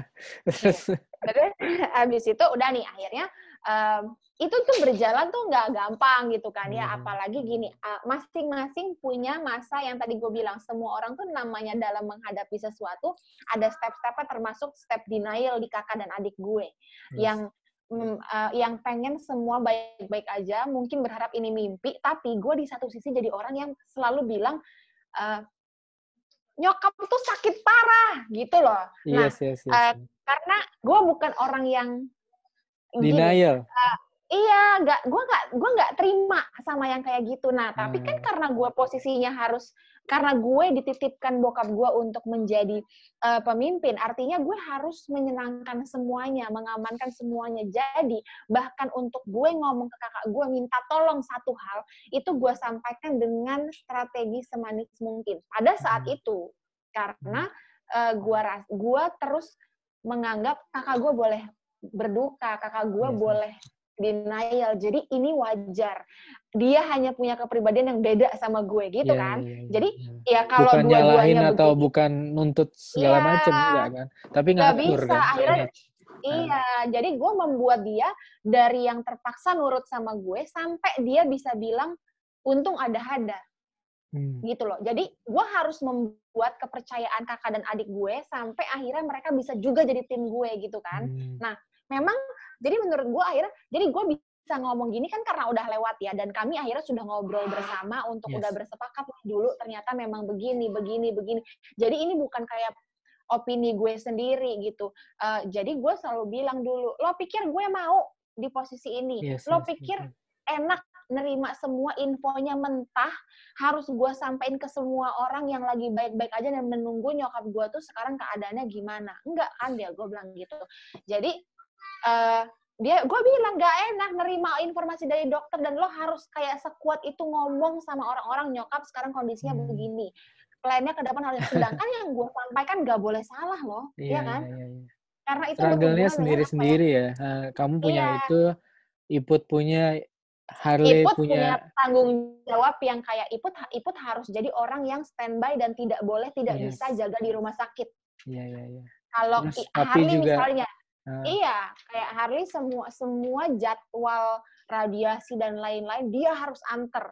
Hmm. Dia korbanin kuliah, Iput korbanin jam kerja misalnya atau misalnya ya hmm. karena dengan kefleksibilan. Tapi harus tetap kerja gitu kan demi harus kerja. supporting supporting financial gitu dan, kan. Nah, dan selain supporting financial, bokap gue harus kerja karena nyokap akan sangat marah kalau diperlakukan sebagai orang sakit. Iya, iya, iya. iya orang iya. sakit Perjuangannya kanker, di situ ya sensitifnya kan lebih iya tinggi. aku ngerasain kita nggak ya aku kan? frustasi kalau di dibilangin aku udah ber, berakhir gitu iya kan jadi ya, kayak, ya, uh, kayak gitu. tidak mau dibuat merasa tidak berguna hmm, dibuat uh, ya aku ya, ya. emang gue nggak bisa apa-apa dia bilang gitu ya kan emang gue apa wow padahal ya gini lo naik kursi roda gue cuma mau bantuin lo ngambil barang tapi lo segitu marahnya gitu loh kayak hmm. tapi akhirnya kan kalau dipikir-pikir iya gue tahu dulu lo mungkin lari ngambilin barang orang gitu kan hmm. tapi sekarang lo ngambil barang diri sendiri aja udah susah gitu kan yeah, kayak gitu gitulah jadi fase fase fase penerimaan tuh kan orang-orang beda-beda dan beda banget. Jadi beda perjuangannya banget. sebenarnya masing-masing apalagi si anak-anak ini kan alias sama Kia juga perjuangan kan itu untuk memahami ini semua kan nggak iya, gampang iya, juga iya, mereka nggak iya, bisa nggak iya. bisa ngungkapin Adam juga pasti iya, iya, perjuangan iya, iya. juga dan itu sampai gue pernah di uh, gue nggak di gue nggak jadi gue sampai nyokap gue meninggal gue tuh tidak pernah ditegur dalam pengertian gue dikomplain ya hmm. tapi di hari Hamin satu nyokap gue meninggal tanggal 8 ya tanggal 8 gue kayaknya belum pernah cerita ini ke orang yang nanya serius gitu. Jadi Adam pernah ngomong sama gue. Hmm, dia bilang sebentar Mbak Ani ada udah deg-degan aku. Apaan apaan? Jadi gini uh, apa namanya? Adam pernah ngomong sama gue uh, Bun, kamu uh, kamu selalu me, uh, memberikan hampir 24 jam di rumah sakit dan itu baik. Uh, komitmen kami di rumah adalah kalau bisa kami nggak pernah minta kamu kapan pulang. Um, tapi aku cuma mau kamu coba berpikir, mungkin mami pengen kamu jaga juga kehidupan kamu, dia bilang gitu. Uh, anak-anak nih kangen juga loh bun sama kamu, dia bilang gitu. Aku kangen loh bun sama kamu. Uh, kamu setiap hari pulang jam setengah dua. Kak, uh, kamu tiap hari berangkat jam 6 pagi dan pulang jam setengah dua pagi. Karena gue harus nunggu nyokap bilang iya boleh hmm. pulang gitu. Karena kan dia udah uh, morfin dan lain-lain. Nah, dia bilang, kalau aja misalnya kamu pulang jam 8, kamu tidurin anak-anak, kalau ada yang emergency, kamu kan tetap akan dipanggil ke rumah sakit. Itu satu uh, kondisi. Kondisi lainnya, misalnya terjadi apa-apa sama mami di jam 3 pagi, kamu tahu udah pulang, kamu akan dipanggil juga. Jadi, uh, mobil kita ada, kamu tinggal berangkat. Pokoknya mau urusan mami langsung berangkat. Tapi mungkin ada baiknya kamu jangan lupain yang kamu punya, dia bilang gitu kan. Hmm. Di hari itu dia minta gue untuk bilang coba kamu pikir mami maunya apa. Karena kan pada saat itu kita udah nanya mami mami mau apa lagi gitu kan. Mami apa yang nahan mami? Ada yang bilang mami udah ikhlas, mami cuma ngeberatin uh, hati kita masing-masing atau apalah segala macam. Nah akhirnya ada bilang gitu. Mungkin dia tuh ngelihat justru kita yang kita yang tidak pernah mengikhlaskan keadaan gitu kan. Akhirnya hmm, bukan maminya yang kurang ikhlas iya, tapi sebenarnya nggak ikhlas sebenarnya kita yang kayak terus terusan yang... apalagi apalagi apalagi gitu kan. Hmm. nah kan berarti kan di situ juga gue belajar bahwa gue pun punya masa sulit di diri sendiri gitu yang bahkan mungkin iya kan? Jadi gue sampai tidak mikirin gitu loh kebutuhan gue apa gitu gitu kan. Nah lagi-lagi gue disadarkan harus sama Adam dengan cara yang baik. Coba kalau dia datang ke gue bilang, lo tuh jadi istri nggak ngurus suami. Kayak di film-film gitu kan? Iya kan? Jadi kayak udah tambah aja combo banget gitu itu. Iya. gitu. jadi jadi kayak menurut gue semuanya berjalan baik sekali ketika kita punya tim yang solid nah. banget. Jadi gitu ini kan. istilahnya untuk uh, kamu kan punya privilege sangat lengkap gitu. Akses ke fasilitas kesehatan, finansial, supporting timnya juga komplit. Itu aja perjuangannya gila. Gitu iya, kan. yang komplit aja, yang komplit gila aja dramanya gitu. banyak banget gitu kan. Hmm. Dan gue makanya selalu bilang, Mas, gue selalu bilang, um, gue ini bukan contoh menyedihkan dari kanker. Gue hmm. contoh hmm. berhasil. Hmm. Gue contoh di mana sampai perjuangan nyokap gue selesai, bokap gue mampu ngebayar langsung tanpa berhutang. Dan ada bantuan-bantuan uh, lain, ya kan? Pas itu. Bantuan subhanallah. Iya, kamu ceritakan tiba-tiba ada yang transfer, tiba-tiba ada ada apalah gitu. Ada ada banget, ada momen gue harus ada momen gue harus bayar uh, ini gue ini kayak udah ini cerita ya udah lewat aja ya. Iya. Ada momen gue harus bayar 160 pada saat itu jadi kayak udah top harus top up dong. Yes, yes, yes. Kayak depositnya harus top up gitu. Kan. Depositnya kan? harus top up kan karena puluhan hari di rumah sakit. Terus gue tuh pegang di tas gue yang gue terima, gue terima, gue terima, semua ke gue kan. Hmm. Jadi kan sebelumnya gue harus hitung apa segala macam. Gue pegang 80 juta kami. Nah, di kayak hand gitu kan. iya. Gue kayak Tuhan dari mana orang-orang ini tuh bisa dikirimnya gitu kan. Kayak, hmm. Jadi uh, gue bukan gue sedikit pun jangan dianggap contoh sedih kanker enggak gue berhasil sukses sukses luar nah. biasa karena uh, ketika gue masuk masuk dan mendekatkan diri gue sama orang-orang prasejahtera uh, yang mengalami sakit seperti nyokap gue, akhirnya kebayang gua, kan?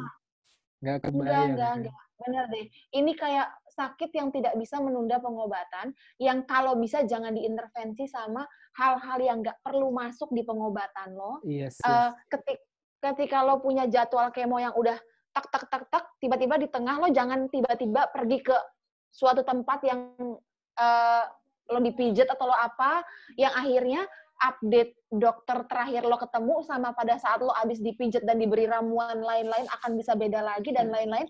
Uh, itu contohnya. Tim gue ya? kuat Iya, hmm. itu contohnya. Jadi tim gue kuat sekali dengan cara berpikir yang menurut gue bener gitu. Hmm. Uh, ketika kita kan gini, oh ya kayak gini, gue itu di posisi ini menghadapi teguran dari orang yang gue kenal. Uh, gue kenal apa apa ini temen bokap gue ya? Lupa deh pokoknya. Karena kan semua penjuru kan ngubungin gue ya. Mm-hmm. ada kamu itu. Jangan. Jangan jangan lu eh, jangan lo terima kalau dokter bilang kemo apa? nyokap lo harus di kemo ya hmm gue nggak nggak gue jawab dulu. Gue pengen tahu dia mau ngomong apa dia mau marahin apa. Karena gue sampai udah biasa pada saat itu. Dia bilang kalau yang gue nggak habis pikir adalah ada saat seseorang yang kenal. Berarti kenal dong negor dengan cara iya, seperti iya, itu kan iya. berarti kenal. Kenal tapi sampai hati begini gitu. Jadi dia bilang di saat seperti itu gitu ya. Uh, jangan lo setujui kemo karena hmm. kalau lo kemo lo secara nggak langsung lo secara nggak lang lebih parah dari ngomong itu lo secara nggak langsung ngebunuh nyokap lo pelan-pelan oh, oke okay. oke okay. gue yang lo siapa nah itu kalau disampaikan ke orang seperti kakak gue atau adik gue kelar kan kelar kelar emang udah ada jalannya. Yang kayak gitu nyampainya ke gue. Kayak gitu gitu itu itu salah satu hal yang emang udah digariskan menjadi perjuangan yang mungkin hmm. orang lain nggak perlu alami kayak gitu gitu intervensi-intervensi yang menyudutkan dibilang biopsi itu membangunkan sel kanker lain nah, itu. kanker yang parah dan lain-lain. Sedangkan gue datang dong ke dokter Handoko gue datang dong ke dokter Lugi Uh, jadi gue kalau mereka habis visit, gue keluar tuh bisa setengah jam. Gue kayak minta ilmu gitu. Yes, uh, yes, yes. Gue tanya, uh, gue tanya Dan dokter, gua kebetulan mereka bisa bisa ngasih itu gitu, bisa ngasih. Iya, iya, iya, iya. Jadi kan gue bener-bener lagi-lagi sempurna lagi timnya. Iya, privilege banget pernah, juga gitu. Iya, gue pernah nanya sama dokter Handoko, dok, uh, kenapa sih orang banyak bilang jangan di kemo? Terus uh, kalau kemo itu tetap akan makin buruk ya. Memang akan membuat karena kan hmm. katanya dikasih racun, sel sehat jadi yeah. racun apa segala macam. Dia bilang, e, sini ambil kertas, ambil bolpen. Terus dia bilang, ehm, kalau nyokap lo nggak di kemo, uh-huh. eh gini, kalau nyokap lo di kemo, gini nih, gua gambarin grafiknya, turun, stabil, turun, stabil, turun. Lo hmm. mau tahu kalau nggak di kemo? Nih, gue gambarin lagi. Dia gambar, Trot, grafik. Gitu. Trot. Dia bilang gitu. itu aja gampangnya dia bilang gitu. Nggak hmm. mungkin satu obat itu, eh, pengobatan itu tidak ada maksudnya, tidak ada jalan hmm. ceritanya. Makanya gue selalu bilang, kenapa uh, gue me me mengkampanyekan uh, please banget untuk sakit semacam ini kalian uh, medis. Kalian kalian harus fokus dengan satu jenis pengobatan, jangan ke mana-mana. Karena apa? Karena satu-satunya pihak yang bisa kita mintai pertanggungjawaban atas yes. apa yang diprogramkan adalah dokter. Yang medis, berdasarkan medis. Ya, gitu. medis. Lo tidak akan bisa meminta pertanggungjawaban tukang daun. Lo nggak akan bisa meminta pertanggungjawaban tukang merapu. You say it right. ya ya ya ya ya, ya, ya, Gitu. Setuju banget. Jadi jadi gua rasa itu harus gue ucapkan terus Mil karena hmm. karena segitu banyaknya orang yang tidak yang banget gue ngomong gue ngomong seribu kali tetap aja mereka juga ngomong mereka dengar dua ribu kali jangan di kemo gue ngomong lima ribu kali mereka juga enam ribu kali dibilangin yes, yes, yes, yes. jangan ke medis lo nanti akan diobok jadi kalau kita capek ya ya gitu. Eksponensial oh, ya iya. iya iya. Emang ini kayak ini emang kayak kerja yang ditunggu capek gitu kan. Ini kayak gerakan yang ditunggu capeknya sama orang-orang yang yang memang mempercayai hal itu gitu kan. Dan kita nggak salah juga sih orang-orang itu menurutku tuh emang kondisi ini tuh nggak nggak gampang gak juga. nggak paham iya, nggak nyampe paham. informasinya apa gap-gap itu tuh kayak terlalu lebar kayak kondisi sekarang yeah. ya kondisi sekarang soal uh, okay. virus ini yang aneh ini ini juga mirip-mirip sih sebenarnya kalau iya, aku iya, bilang iya, ya. Iya. Jadi kayak Karena kita informasinya iya informasinya tuh banyak. Filternya nggak jelas. Terus iya, iya. Uh, level literasi, level pemahaman juga beda-beda banget. Dan bedanya jauh gapnya iya, kayak misalkan itu dia. Iya, Dan kayak kamu lagi-lagi beruntung apa? kan. Lagi-lagi iya, ada iya, kan iya, iya. beruntung aja bisa Karena, ngertiin itu karena kayak misalkan yang dialami sama adik-adik pita kuning gitu ya, kenapa hmm. pendamping itu harus selalu ikut bahkan ke dokter kontrol segala macam? Karena bahkan untuk bertanya aja mereka nggak ada ilmunya. Jadi kayak hmm, mm, dokter bilang bahwa ini ini ini ini ini. Jadi bahkan orang tuanya nggak apa? Ya, panggil Mbak. uh, orang tuanya apa? Orang tuanya bahkan nggak ada sedikit yang nggak ada sedikit pun yang kayak ini kenapa bisa begini ya? Terus hmm. anak saya kemarin begini, tapi kenapa ya dok? Ini gara-gara obat ini nggak nggak ada. Mereka benar-benar menampung apa yang dokter omong, udah titik. Nah itulah fungsi si kakak pendamping yang bertanya, perlu tanya apa nih nanti jadi di Dan rumah. bahkan dokter pun nggak semuanya sama level kemampuan neranginnya, karena iya, iya jujur iya, iya, di iya, iya. pendidikan dokter nggak ada kurikulum komunikasi itu ya, aku ya, sangat ya. kritis eh, sangat kritik untuk itu bahwa di teman-teman dokter itu tuh kayak kadang-kadang uh, melihat uh, hitam dan putih aja kalau wah kita masyarakat Indonesia yang salah gitu tapi kita nggak ya, ya, balik ngelihat ke kita bahwa kita juga perlu upgrade untuk itu kan lagi-lagi gue beruntung kan gue lagi-lagi ya. beruntung Jadi dengan dokter yang boleh gue WhatsApp bisa, 24 jam iya itu dia ha. kayak gitu-gitu yang kayak mau kayak jawab jam 3 pagi dia lagi di London gue bilang nyokap kesakitan boleh nambah nggak aktifannya udah empat kali hari ini udah kayak gitu-gitu kayak uh, orang lain mungkin nggak dapat gitu gak loh mungkin.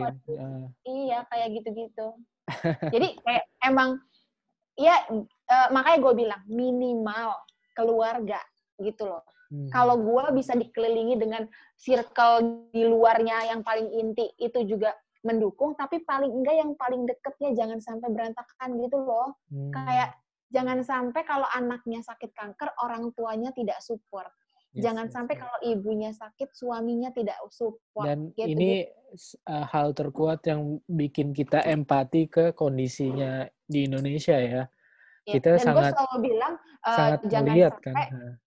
Ya jangan gue selalu bilang juga ada hal-hal yang kita boleh banget belajar dari pengalaman orang lain jangan nunggu ngalamin sendiri hmm. karena ketika kita belajar pada saat ngalamin kalau sekarang gue ditanya ada lo apa sih pengennya kalau lo di lo bisa ngulang waktu Gue hmm. pengen ngulang pas nyokap gue sakit, bukan pas nyokap gue sehat.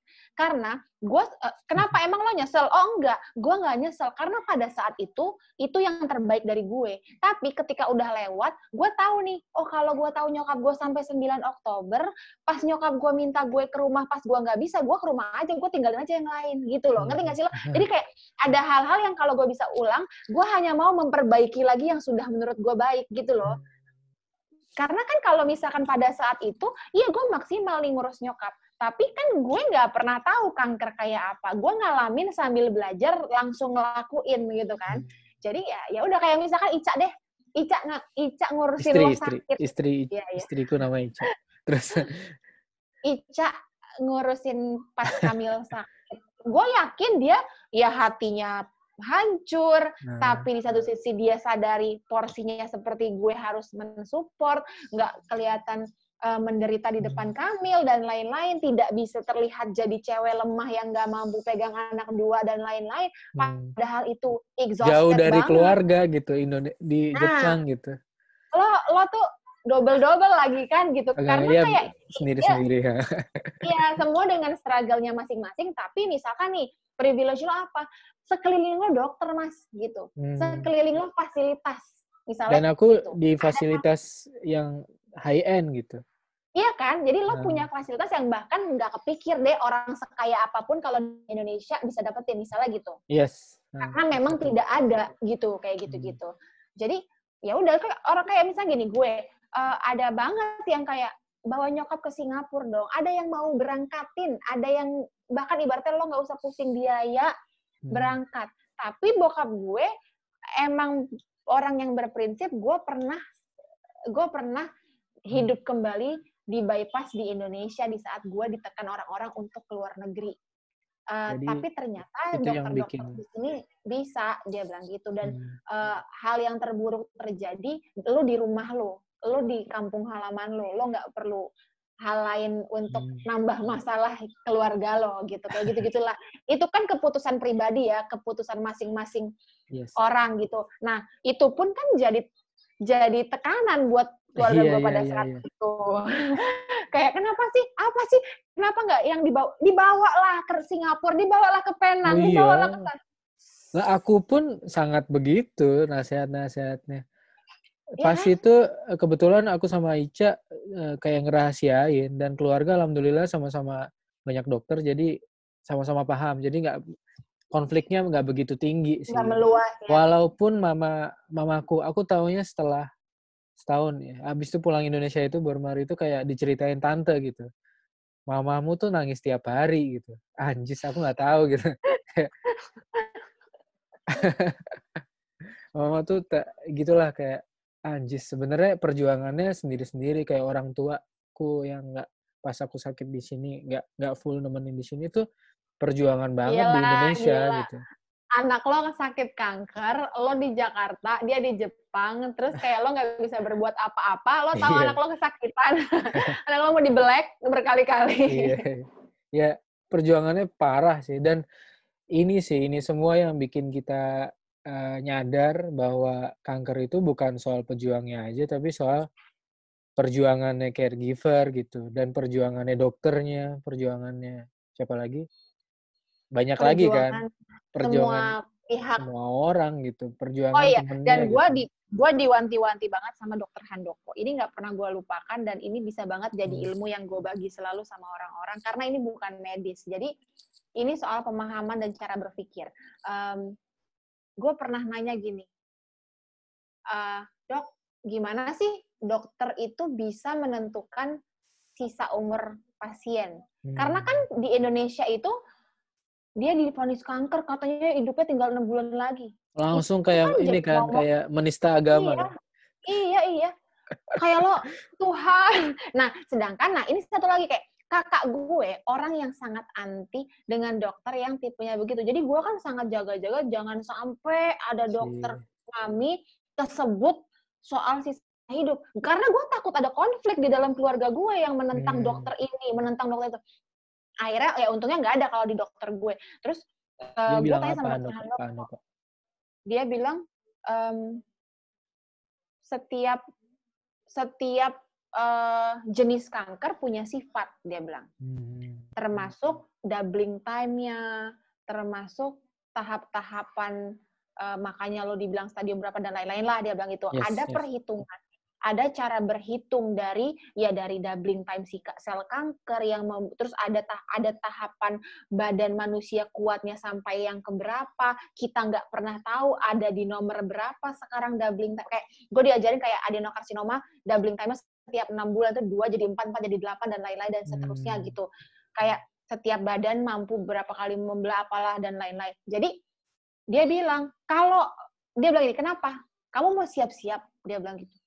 Mm, enggak mau tahu doang gue bilang gitu kan terus dia bilang kalau kalau gini kamu kuat kamu kuat menerimanya jadi gini kalau mau dihitung misalnya dihitung kalau misalnya dengan uh, kita ketahui mam, mamamu ketahuan di bulan segini lalala segala macam katakanlah dia punya waktu dua tahun dia bilang gitu kan hmm. tapi kalau ternyata doubling time-nya sudah di ke 38 39 artinya enam bulan lagi dia sudah sampai di terakhir misalnya apa segala macam lah dia ngomong tuh soal hmm. doubling time pokoknya gue yang gue ada doubling time Nah, dia bilang, ini intinya. Uh, jadi, yang harus kalian sebagai keluarga pikirkan untuk seorang pejuang kanker adalah bagaimana meningkatkan kualitas sisa hidup hmm. pasien. Jangan lagi lo bilang meningkatkan kualitas hidup. Yang lo harus omongin kualitas sisa hidup. Karena ketika lo That's ngomong point. sisa, hmm. lo akan berbuat sebaik-baiknya. Yes, itu. Justru ini Betul? gak sih? Justru kayak gini tuh kayak bocoran gitu. Nggak ada kan orang tahu sisa hidup kan. Kamu aku gitu. Ya itu kan bisa jadi warn gitu kan, bisa jadi iya, warn. justru kalau kalau di sisi spiritual orang kanker tuh dikasih kayak dikasih bocoran hidup gitu loh. Ente bakal ini gitu berapa berapa ini dikasih bocoran segitunya gitu jelek-jeleknya segini nih gitu kan. Hmm, iya, ya itu malah menurutku sih tergantung mindset yang lihatnya dari mana gitu. Betul, itu bukan betul. kejahatan untuk mendahulukan takdir tapi kayak bocoran aja ini malah. Iya.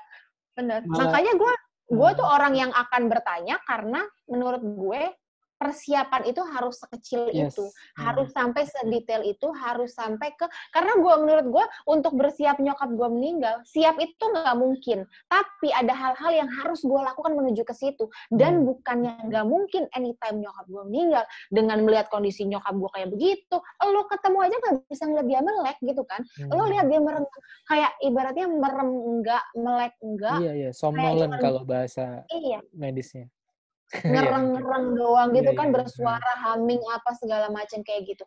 Jadi kayak ibaratnya gue bahkan sampai ini kalau secara spiritual uh, atau apa ya uh, kepercayaan lah. Gue di saat-saat terakhir di minggu-minggu terakhir gue dan gue nggak dan gue nggak masalah cerita ini ke beberapa orang. Jadi gue bilang gue merubah doa gue mil gue merubah doa gue ketika hmm. nyokap gue setiap dia bangun dia udah kesakitan ada hmm. atau bahkan yang kadang sampai nangis-nangis itu karena morfinnya sudah terlalu dekat jadi belum boleh dikasih lagi jenis yang lain. Iya, terlalu toksik lah. Jadinya harus nunggu ya. bentar sampai morfin iya. lanjutnya. Karena nyokap gue pernah uh, udah sampai dapat yang uh, gue nggak tahu namanya apa, gue lupa. Aidus, yang ya. yang katanya kalau kita kalau kita dikasih, dikasih itu. itu kayak bangunnya besoknya. Iya, yes, yes, yes. Nah, ini nyokap gue 20 menit bangun gitu. Hmm. Jadi uh, karena gue tahu di, dia sudah di stage itu, hmm. yang mana gue sempat minta dijelasin apa sih nak artinya terminal stage? Gue nanya sama lo kan Mil. Hmm. Uh, Aku ju jawab jujur juga kan bahwa tinggal nunggu. Iya gitu. iya iya iya. iya. lo bilang secara medis tidak ada yang bisa dilakukan uh, dan karena dokter Logi bilang gini kan, kalau di terminal stage pengobatan tidak boleh dilakukan karena kondisi umumnya sudah lagi tidak baik. Hmm. Uh, pengobatan sangat bisa membuat dia terbantu, misalkan kemo, tapi hmm. tidak bisa dilakukan karena dia sedang terminal stage. Artinya dia lagi hmm. pain management gitu kan, yes, apa yes, yang sakit. Yes. Jadi itu yang tujuan, diobati. ya goal dari terapinya itu bukan kankernya lagi gitu. Udah paliatif kan namanya uh, ya. Udah, udah ya udah tinggal kontrol kualitas hidup biar dia menyamankan, iya iya iya. Ya, biar dia relief pain atau something else. Iya. Nah, jadi pada saat itu akhirnya gue tahu yang namanya terminal stage itu apa. Gue gue mengganti doa, doa. gue. Gue ya gue yang selama ini gue terus bilang Tuhan kalau emang mami mau dikasih sembuh tolong angkat penyakitnya sekarang. Kalau emang kita dikasih ujian ini untuk jadi uh, keluarga yang lebih baik cukupkanlah semoga sadarkanlah kami. Nah ketika gue tahu nyokap gue sudah di terminal stage doa doa gue gue ganti. Tuhan kalau memang ini sakit emang akan uh, kalau mami memang akan meninggal karena kanker izinin aku tidak menjadi anak durhaka untuk meminta kamu untuk panggil mami sesegera mungkin karena sepertinya sakitnya sudah luar biasa. Tolong kasih izin kami di dunia yang menderita kehilangan mami, jangan lagi kasih derita ke mami untuk sakit fisik, gue bilang gitu. Hmm. Jadi kayak enggak, gue sudah tidak berharap dia sembuh. Hmm. Gue berharap dia selesai sakitnya. Yang artinya selesai sakitnya artinya selesai perjuangannya karena yes. di saat itu gue udah bisa bilang bahwa sakitnya tidak bisa sembuh. Iya. Itu gitu gitu acceptance seperti itu juga privilege buat kamu kan? Nggak yeah, yeah, bisa yeah, exactly gitu loh. se, dan semudah itu kamu nggak mudah tapi oh, nggak bisa orang nyampe ke step itu. Kadang-kadang uh, lama juga ada ada yang nah, bahkan setelah meninggal itu kan sampai itu kan sampai itu gue bisa sampai di situ sebelum nyokap meninggal karena hal-hal yang gue lakukan sebelumnya kan Mil. Yes, ngerti nggak sih lo? hal-hal yang gue cari tahu terus hal-hal yang gue coba yes. untuk merasakan pasien seperti apa karena gue tidak sedikit pun bisa merasakannya gitu kan. Hmm. Nah, lagi-lagi empati gua, kan. okay. Iya, gue pernah ada di momen gue minta, jadi gua, nyokap gue kesakitan. Terus habis itu gue bilang sama papa, kita habis ngomong lah, mami ini kenapa, hmm. apa segala macam. Gue bilang sama papa, pak, kan ini ke pembicaraan sensitif ya untuk nanyain lo ikhlas atau enggak gitu kan. Yes. Akhirnya gue ngomong sama bokap, papa, papa ada yang ditahan lagi nggak sih pak? Ikhlas pak, ikhlas dong, kasihan hmm. mami bokap nangis bokap bilang papa ikhlas lillahi ta'ala papa ikhlas gitu kan. Bener pak. Gue sampai ada di momen yang memberanikan diri ngomong sama bapak gue sendiri untuk minta dia mengikhlaskan nyokap gue. Yang mungkin gue bisa jadi itu ada resiko gue dianggap anak durhaka gue ada oh, iya, resiko iya, iya. dibilang mendahului Allah. Iya. tapi gue gue merasa gue kayak udah guys ini buat nyokap gue. Gue mau ngakuin semua resiko ini. Yang penting nyokap gue tidak diberatkan sama orang yang ada di dunia. Gitu kan? Itu kan kalau kayak menggabungkan antara kepercayaan hati sama kondisi nyokap gue gitu kan? Gue kayak bilang ya hal-hal sekecil gue diingetin sama um, tante Nako untuk ada jangan lupa ya mami pakai bulu mata palsu. Kayak gitu-gitu. Itu kan yeah. hal itu terjadi di masa-masa itu Mil. Itu kan kayak di saat gue kayak mendingan mikirin kapan nyokap gue melek gitu kan ya pagi biasanya dia gue mikirin dia kapan melek ini gue kayak masih harus bulu mikirin mata. bulu mata dia kayak gitu-gitu kan gue semuanya gue lakukan dengan fun gitu loh gue kayak hmm. pagi sangat amat semangat ke MMC abis itu gue agak pagian supaya karena kalau jadwal nyokap gue mandi gue bisa beli kopi dulu ntar gue hmm. turun langsung ngajak dia ngobrol apa segala macam nggak lama dia udah kesakitan lagi harus tidurin lagi ditidurin hmm. lagi uh, yang dia udah apa dekubitus ya? Apa sih? Yang yeah, udah luka, ada luka luka luka di belakang gara-gara ini kan posisi. Dan itu jadi kayak udah nggak sakit buat orang kayak dia gitu loh Mil. Kayak hmm. buat dia karena kayak udah banget. karena iya, udah kayak udah beda iya stage-nya udah beda arti sakitnya udah beda gitu loh. Gue kayak aduh ini gue kalau kayak Jadi, begini gue rewelnya minta ampun Tuhan. Bisa ya bayangin di pejuang lain gitu. Emang individual banget ya kanker ini tapi kita bisa kan empati itu kamu nggak harus ngalamin tapi kamu juga ini. Dan orang lain pun dengan uh, harus tahu juga how to cope with the cancer gitu. Bukan cancer tuh urusan yang sakit aja gitu. Selama keluarga aku nggak ada cancer aku nggak bakal peduli gitu. Ya ya hmm, dan itu jangan, berlaku jangan sama ya berlaku sama penyakit lain juga sih sebenarnya. Tapi cancer ini khusus karena emang masalahnya uh, manusia kan masalahnya manusia peradaban sekarang yang nggak bisa selesai itu cancer ya. Kita nggak ngomongin pandemik ya. Terus apa namanya? Tapi soal cancer ini soal hal yang khusus dan harus di maintenance. Dan di Indonesia sangat jauh dari ideal karena kita ngerasain kan kamu ngerasain privilege aku ngerasain privilegeku sendiri di sini. Dan kita mau ini eh, nggak uh, berakhir kan da, ya nggak? Ya kayak nggak berakhir bahwa kita harus uh, ngasih tahu orang gitu bahwa ini loh ini tuh ada gitu bahwa kita iya, semua banget. harus empati ke sana gitu dengan apa kita promote kita campaign mahasiswa iya. kebetulan yeah. kan kebetulan kan kita punya mahasiswa dan bentuk-bentuk uh, lain juga bisa gitu kita ini kan misalnya kamu dipanggil talk show, talk show ya Ya yeah. itu kan dasarnya empati juga kan. Kamu juga bisa nggak peduli kan toh mami juga udah meninggal gitu.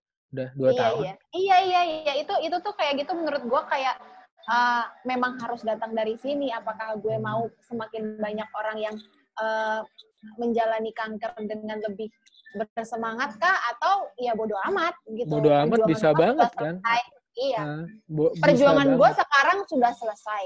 Amit-amit gue dikasih lagi sekitar gue seperti ini, gue siap kan gue hmm. udah punya ilmunya. Kan ibaratnya yes, yes, gitu. yes. bisa banget. Tapi gue inget rasanya sesakit itu. Yes. kalau bisa jangan banyak-banyak yang ngerasain gitu. Iya dan kita sangat tahu kan di Indonesia nggak mungkin seberuntung kita kan orang-orang ini. Ya gak? iya iya. Apalagi banyak banget yang nggak beruntung mil ya Allah. Parah. Apa banyak banyak sisi kan ada yang punya finansial supportnya bagus tapi uh, apa namanya support yang lain gitu support dari keluarganya nggak bagus banyak banget. Iya, sebaliknya iya. apalagi banyak banget kayak orang yang tidak menganggap kanker itu harus segitunya di dan uh, dan ada keresahanku juga bahwa nggak nyampe gitu infonya gap infonya banyak. Dan satu lagi uh, campaign dari ada kesalahan jalur gitu campaign-campaign yang ada di Indonesia kayak misalnya Hari Kanker Dunia ini aku kritikku juga sih kayak diselebrasi di seremonial aja gitu dengan dengan campaign bahwa kanker ini bisa dicegah gitu udah selesai dengan ya, kamu ya, ya, ya, ya. udah Sedangkan stop di situ aja gitu. memang kayak uh, kayak gini tuh harus masif dan terus-terusan lo nggak hmm. harus nunggu hari kanker sedunia um, karena yang kanker setiap hari ada dan tetap sakit gitu loh. Dan, iya, uh, dan untuk menumbuhkan empati itu menurutku juga kita harus iya, menurutku kita udah benar kan kita mempromosi cerita-cerita ini biar mereka juga terus ngerasain secara kontinu kalau yeah. di detik sekarang pun ada orang yang menderita untuk kanker bahkan misalnya di pandemik ini ya Iya. Iyalah tambah, kanker nggak hilang gara-gara COVID. Iya, nggak nggak juga kan. Bah, bahkan mereka tambah cepat meninggal gitu karena emang nggak iya. dapat yeah. layanan layanan gitu. Ya se, se segitunya. Ya aku rada-rada kasar ya, tapi emang segitunya kan. Dan nggak usah gue tanggepin ya kalau soal ini karena ada covid covidnya. Iya iya nggak usah nggak usah. dan apa ya? Dan aku juga ya, aku sebagai dokter bedah, ya aku punya udah berapa tahun juga di klinis ngadepin orang meninggal juga, ngadepin keluarga-keluarga ini. Rasanya tuh kayak kalau nggak bisa ngelakuin apa-apa itu kayak apa sih bapernya tuh gila loh. Kayak ya ya lo lagi sering baper emang mil satu tahun belakangan. Iya. Baper mulu pokoknya. Ya ini makanya aku sebenarnya sebenarnya ini getawayku juga untuk uh, share uh, soal di to share ini nge-share cerita-cerita. Ini tuh sebenarnya gitu aku uh, bukan altruism tapi egoisme banget sih sebenarnya bahwa frustasiku tuh tak salurkan gitu sebenarnya ya tapi alhamdulillah positif dan semua aku jebak gitu kayak ada kayak teman-teman yang lain tuh aku jebak masuk ke sini biar meng, dan nggak bisa keluar lagi gimana dong? Ya, akomodasi keresahanku gitu. Jadi keresahanku ini ya gitu loh. Jadi dan dari hati gitu. Alhamdulillah kemarin kita ini ya ngumpulin. Kita kalau misalnya di milestone-nya mahasiswa ini, kita udah hampir satu miliar kan?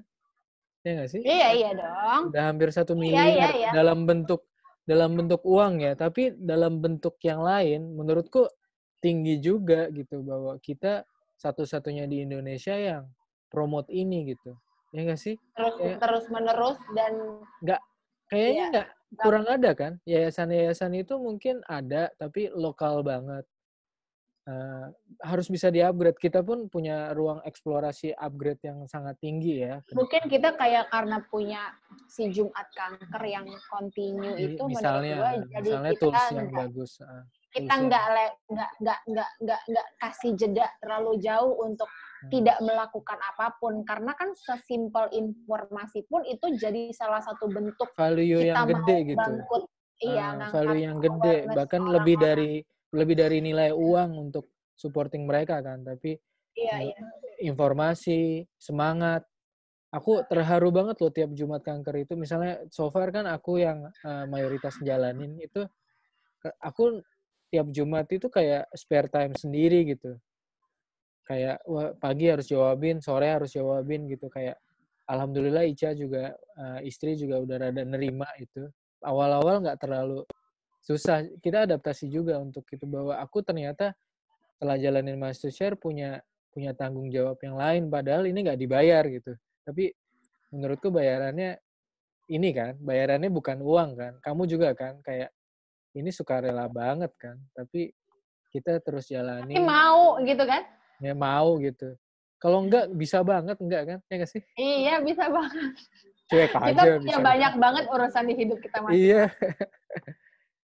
Oke soal caregiver kayaknya ini ya udah lama juga. Terus kita nggak apa-apa ya dak? Nggak apa-apa nggak apa-apa. Oke kita mungkin ke poin berikutnya. Soal lari. Kita bahas dikit ya. Itu di belakangmu itu kamu pamer ya Oh iya, ya spotnya yang bagus berarti kan gue di sini. Ya baru segini Mas Kamil. Aku Apa gak, aku cuma berapa loh? Aku cuma berapa? Jujur aku soal ya kita emang beda konsep kan soal lari itu. Tapi uh, ada yang sama. Misalnya si Hada emang ini kan itu value-nya dia emang di situ aku respect. Uh, misalnya medali itu sebagai tanda. Kalau aku medalinya, aku juga ada tuh medali, cuma dua kalau salah. Yang Warmar mana? Ada kayaknya. Pokoknya nggak terlalu terlalu uh, aku lebih ke orang yang satu tahun satu event gitu. Misalnya ya, karena aku udah lari 10 tahun. Ya, misalnya beda sama ada yang ba baru nemu artinya lari lah. Arti lari ini sebenarnya ada samanya.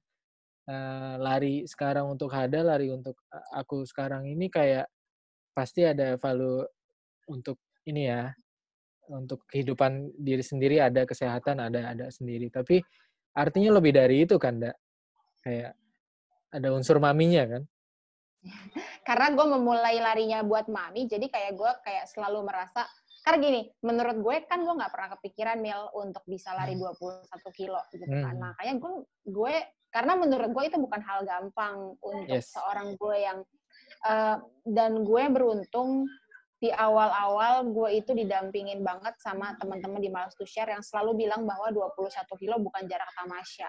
Gue nggak boleh uh, santai-santai mempersiapkannya dan semua yang gue lakukan itu ber, terprogram dengan baik gitu. Gue kayak sekarang gue nggak lagi dalam race aja, gue tidak berhenti untuk uh, uh, latihan gitu. Gue latihan uh, dan gue pakai coach gitu. Itu kan privilege aja. Maksudnya gue nggak nggak penting nggak penting gue pakai coach sebenarnya. Gue bisa lari sendiri.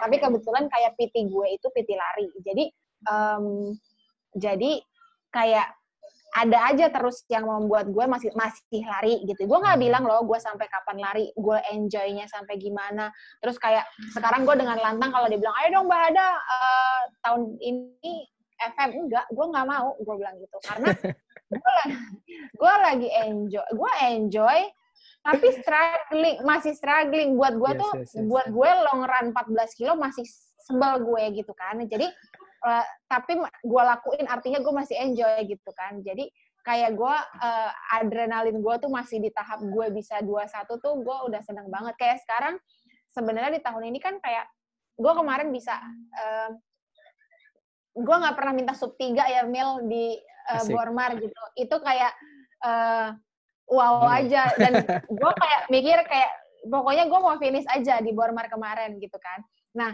Terus karena dilalah dari kilometer 2 sampai 21 ada Rian di sebelah gue. Iya, iya, kan, ada temen. Iya gitu. Terus yang kayak maksa gue untuk kuat terus uh, sejak kilometer 12, gue pakai ada acara dua kali ke toilet dan gel sialan. Nah, kan itu cerita banget ya buat gue. Akhirnya yes, yes, yes. Uh, pas gue tahun ini apa ya yang terus gue ini juga pakai izin sama Adam gitu kan kayak aku boleh nggak tahun ini masih lari apa sih lari uh, half lagi gitu kan hmm. Iya di, di di plan yang baik karena kan ya kan kalau mau race kan ada yang harus mikirin budgetnya, harus mikirin hmm. kapannya, pas anak-anak sekolah atau enggak. Nah, tapi karena gue pernah ngalam eh, pernah finish di Bormar, akhirnya gue kayak punya, eh gue pengen deh kalau kemarin tuh gue lari yang penting finish, tapi gue pengen uh, besok dari itu juga lari gitu. Kayak ya kayak selalu lebih baik aja gitu yes, kan. Yes, yes. Nah, cuman karena cara berpikir gue dari awal yang kemarin mulai lari udah buat kanker, gue nggak gue nggak pernah nggak pernah race tidak untuk menyemangati siapa-siapa gitu loh walaupun gue hmm. tidak di bawah sebuah campaign tapi kayak menurut gue uh, istiqomahnya gue masih lari itu kayak uh, berarti gue masih terus bilang bahwa kayak nggak ada yang nggak mungkin gitu loh. Karena dari awal gue bilang yang nggak mungkin menurut otak gue ternyata badan gue bilang gue bisa gitu. Itu melalui apa? Melalui latihan yang gak gampang. Buat gue nggak gampang sama sekali. Yes, yes. yang kayak uh, ya udah itu itu balik lagi kayak gue harus bikin keluarga gue nyaman tiga kali eh empat seminggu hmm bisa ditinggal berapa kali. kali. Iya kan, gue harus cari jam lari uh, pas anak sekolah. Jadi semua harus tahu ya bahwa itu nggak nggak simpel buat kamu juga nggak sama sekali nggak simpel dan iya, motivasi utamanya tuh ya sebenarnya mami. Ah, masih ada iya. nggak iya. sih? Masih masih nggak sih kalau buat camp? Gue setiap, gue setiap race, gue tuh setiap race ya. Uh, kan emang orang beda-beda karena iya, mungkin gue mau mulainya dengan seperti ini ya. Tapi gue setiap race setiap gue mau mulai gue selalu bilang dalam hati mami temenin ya gitu. Hmm. Oh. Karena gue gue kebayang kalau dia masih ada, dia adalah orang yang bakalan teriak-teriak di finish Bormar itu dia akan teriak-teriak bilang, ayo lama banget lo lelet lo lelet lo gitu. gitu karena dia orang yang uh, begitu dia orang yang berapi-api gitu bersemangat sekali gitu jadi kayak dan masih jadi kalau misalnya teori ya nggak nggak nyambung kan kanker sama lari sebenarnya. Tapi enggak, enggak, enggak. secara fakta nyambung banget nggak sih? Iya iya. Kayak uh, menurutku juga mereka... iya. Kayak kayak kalau aku kalau aku boleh cerita? Kalau ya, boleh, boleh. aku ter ini sama ini ya endurance gitu. Emang suka. Emang suka endurance uh, lari sepeda gitu ada historinya tapi ditambah kanker kayak kayak dapat ini lagi justru bukan emang mema apa justru bukan meredam aku gitu meredam Kamil gitu. Tapi justru jadi alasan gitu alasan utama kenapa aku terusan gitu terusan untuk eh, merayakan hidup terus itu justru karena kanker gitu karena ada kanker di aku kayak kemarin kan kayak pertama lari masih make penyangga leher uh, yang kamu bilang gila itu ya emang gila karena salah satu itu frustasi frustasi bahwa gila kanker ya gitu. Tapi aku bisa tetap bisa maraton gitu paru-paruku separuh gitu. Asli asli. Nah, iya tetap... kayak kayak gue ngelihat lo uh, ada juga kayak gini um, Kamil bisa berarti yang sehat bisa iya iya itu aku juga mau empowering orang juga gitu iya, kan? bahwa ya bahwa kan? kanker artinya, bukan arti, bukan end of life gitu. Iya artinya artinya lari lo di Bormar kemarin itu aja sudah membuat gue minimal hmm. untuk melihat bahwa Kamil bisa, gue nggak mungkin nggak bisa. Dan itu representasi dari perjuangan kan, bahwa nothing yeah, yeah, yeah. nothing easy gitu. Maraton tuh gila menurutku. Aku ketagihan maraton walaupun emang emang setahun sekali, tapi kayak cerminan aja gitu. Suka deh. Apa aku kan kayak apa dari dulu inilah semua terfilosofis gitu. apa termasuk maraton itu juga uh, salah satu filosofinya ya perjuangan hidup gitu kan yang panjang apa bosen iya iya iya iya iya iya iya apalagi nabrak kayak... tembok kan kayak uh, kamu ngerasain nggak kayak capek gitu pas dua satu kilo dua puluh kilonya tuh kayak anjir ah, sudah habis semua gitu pernah pernah nggak ngerasain itu bonking namanya kayak hit the wall itu tuh orang maraton pasti yeah. ngerasain tuh kayak kilometer 30-an gitu kayak udah gak ada tenaga lagi gitu. Iya, gue tuh di kayak gue lo boleh tanya sama Mas Rian nah. di kilometer 19 20 pokoknya 20 akhirnya gue marahin Mas Rian dan yeah. dan Dakar gue marah. Gue sampai bilang gini karena kan mereka terus nyemangatin gue. Gue bilang aku tuh udah kesel banget nggak sampai sampai udah nggak usah ngomong gitu. Gue sebel banget Kamil. Itu itu eh, rasa-rasa itu tuh sebenarnya bikin nagih loh. Ya itu dan yeah, yeah, yeah, dan yeah, di situ yeah. justru jadi ada saatnya sampai sampai kita nggak percaya kita bisa finish. Itu kayak kalau aku kayak kontemplasinya setelah kanker ini kayak kayak bangsat nih apa? Kayak gitulah kayak astagfirullah. Ya gitulah kayak kenapa orang lain nggak dikasih kuat kayak gini sih? Kayak aku tuh ada frustasinya itu sebenarnya. Sampai detik sekarang kayak kayak masih nggak ngerasa nggak fair gitu nggak masih ngerasa ini bahwa kenapa nggak banyak orang yang dikasih kuat kayak aku apa? Kayak aku iya, gitu. yeah, yeah, yeah. Hmm, kayak kok banyak yang mati banyak yang nyerah gitu. Nah, ya itu hal-hal baper gini yang bikin ketagihan sih buat aku buat iya, lari yeah, gitu. Yeah, yeah.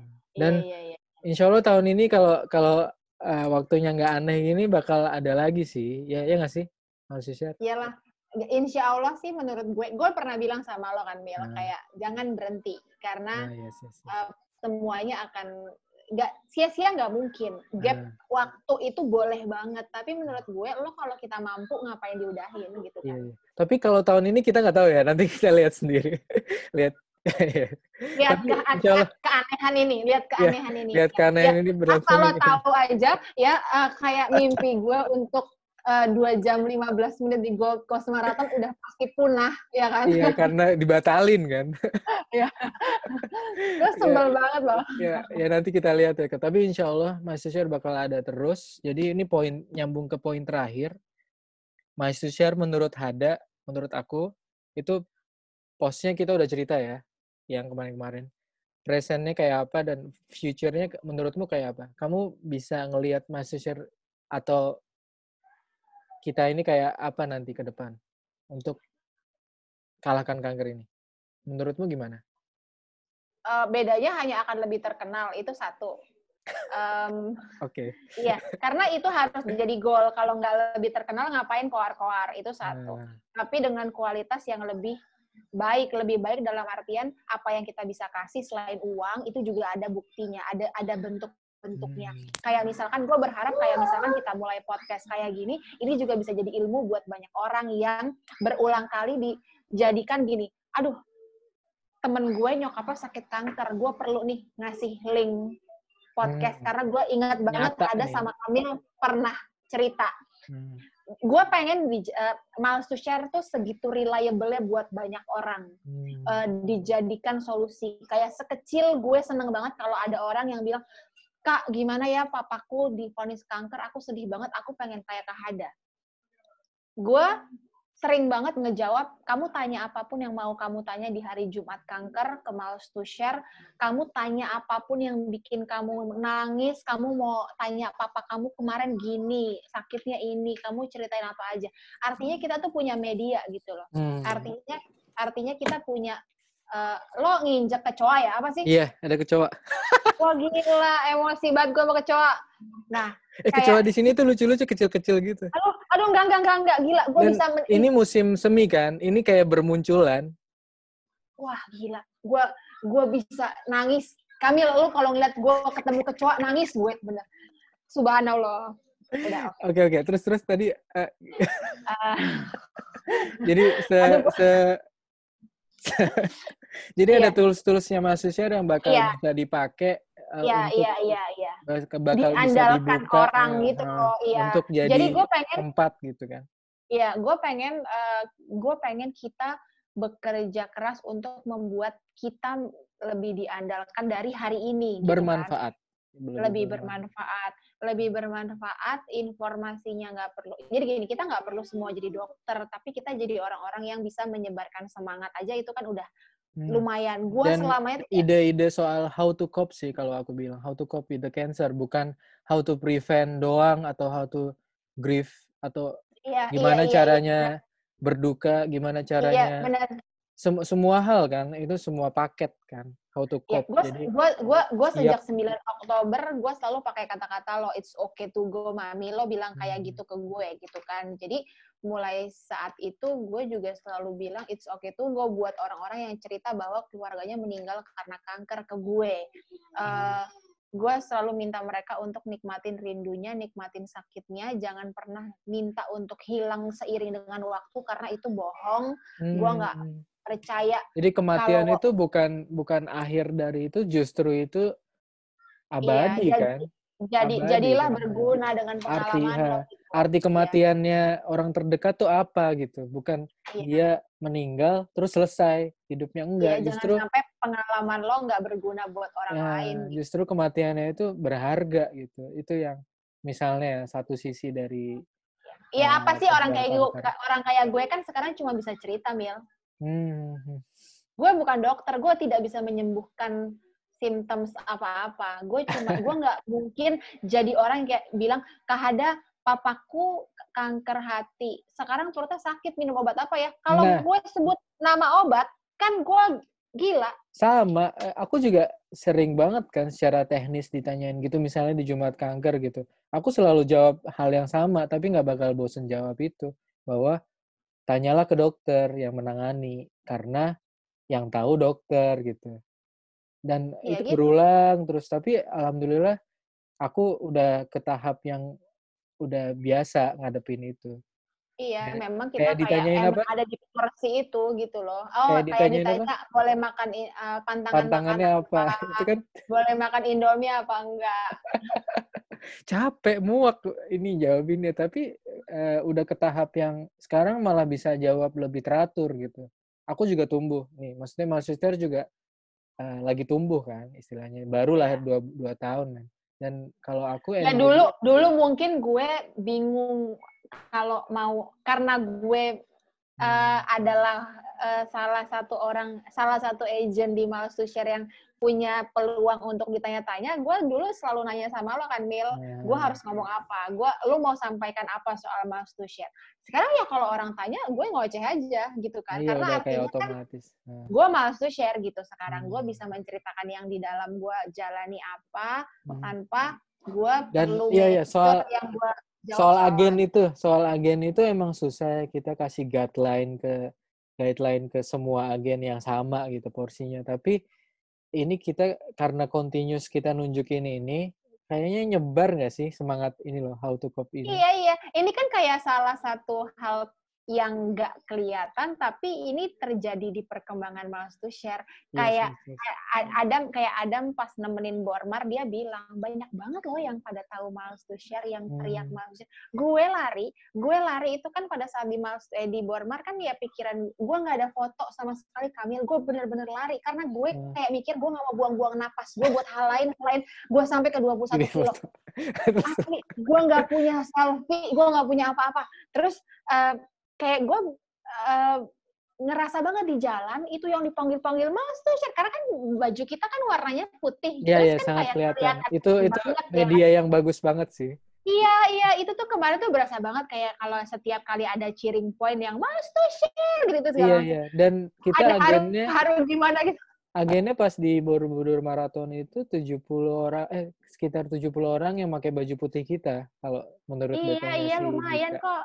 Iya, iya, itu iya. parah sih. Satu-satunya campaign berjalan yang ada di Borobudur Marathon gitu. Bahkan iya, kita iya, iya, bukan partner resmi gitu. Bukan partner. Iya, iya, iya, tapi kita kayak emang menjadikan si Bormar itu tempat wadah nah, kita aja gitu kan. Nah, jadi Mas Share ya insya Allah ini kayak apa namanya organik ya gerakannya ya dan aku harap sih bukan hanya aku dan Hada doang. Jadi dan ini pelan-pelan sih. Ini nggak bisa secepat itu, tapi insya Allah bakal nular-nular ke yang lain dan jadi agen-agen yang bisa nyebarin semangat yang sama yeah. di iya. di satu itu. Dan oh ya bocor kita pernah aku pernah ngomong kan kalau uh, diajak partneran sama sebuah sebuah badan juga. Jadi tahun depan kita bakal upgrade sih, insya Allah. Kalau tahun ini kita mungkin kita lihat kondisi, tapi tahun depan kita bakal ada sesuatu kejutan yang insya Allah bakal. Kita udah di tahap kita udah di tahap bisa ngasih kejutan loh ya. Berarti kan udah upgrade ya dari udah tahun upgrade, 2018. Iya. Iya, jadi untuk tahun depan insya Allah udah uh, kalau jadi insya Allah udah bisa lebih dari sekedar campaign orang lari, sekedar yang kayak tahun sebelumnya dan ke depan-depan lagi uh, menurutku ya aku bakal lihat ke gambaran yang lebih besar. Karena ada contohnya di Amerika di UK soal ada uh, stand up to cancer terus cancer apa trias cancer. Banyak banget di negara-negara luar yang udah mendahului model-model kayak Mas Share gitu. Jadi aku sebenarnya uh, tinggal lihat sih tinggal lihat itu. Jadi Alhamdulillah ya. Jadi ke depan itu kita bakal uh, luas. Jadi bukan hanya ngobat uh, bantu untuk nyemangatin, bantu untuk pengobatan, bantu untuk ngasih informasi dan mungkin ke riset nanti. Soalnya basicku juga kan, basicku riset dan moga-moga ada kesempatan itu dan ya kayaknya bakal ke sana ya, Da. Minta tolong ya, Da, dukungannya ya. kan lo udah di Indonesia nanti. Iya, iya. Gue tuh nggak apa-apa kalau kita berkembang tapi lo juga repot gitu. Ah itu jadi so far dua tahun ini aku rasa aku berhasil menjebak orang-orang karena semua ini berjalan tanpa aku di Indonesia gitu. Serunya itu. Kok bisa ya Mil ya? Itu. Jadi masih yang ngumpulin hampir satu miliar dan bisa ngasih ke secara nyata ke orang-orang yang butuh tapi tanpa itu Kamila nggak ada di sini iya gitu itu asik banget. Iya, makanya semoga semangat itu uh, harapan kita kan pasti semoga semangat itu terjaga.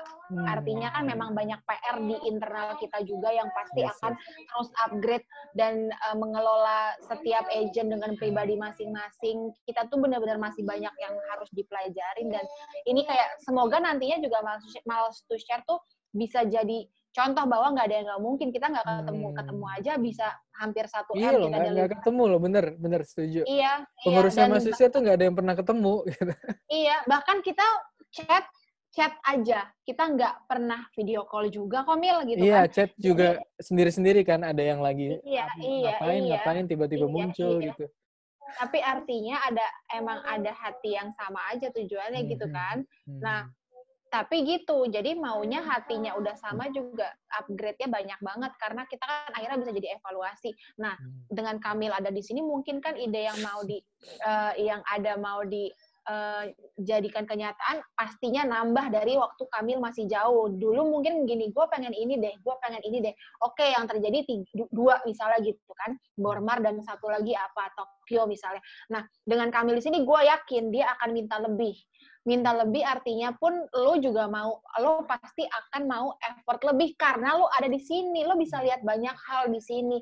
Nah, artinya itu juga butuh kerjasama di sekarang udah bukan beda negara, tapi tetap mil kita beda kota. Yeah. Jadi akan tetap sama menurut gue, tapi yeah, yeah. Uh, lebih realistis kalau yes, menurut yes, gue. Yes. Karena ya, jadi PR-nya memang itu. banyak, iya. Hmm. Jadi kayaknya lebih terjangkau kalau kalau emang kita belaga gila. Iya, agen-agen gitu. kita moga-moga makin banyak dan yeah.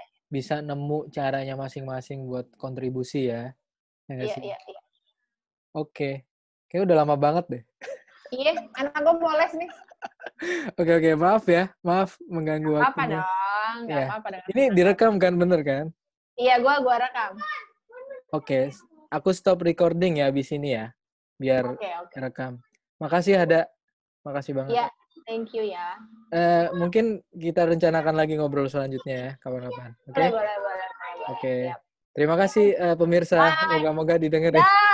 Semoga berguna ya, semoga Ini, berguna. Eh di YouTube Gimana juga seru kali ya? Iya iya iya. Iya iya. Di mana pun ya, lah. Bye bye. By the way, by the way kita kalau zoom kayak gini terus misalkan versi panjang dan kayak mau naik yang apa adanya, maksudnya nggak terlalu nah. perlu penting dipotong-potong gitu buat YouTube kan juga bisa Mil. Ya utus juga nggak apa-apa kali. Enggak ya? Nggak ada ya, salah-salah banget. ya udah, yuk. Ya udah, oke, okay, bye. bye. Yuk.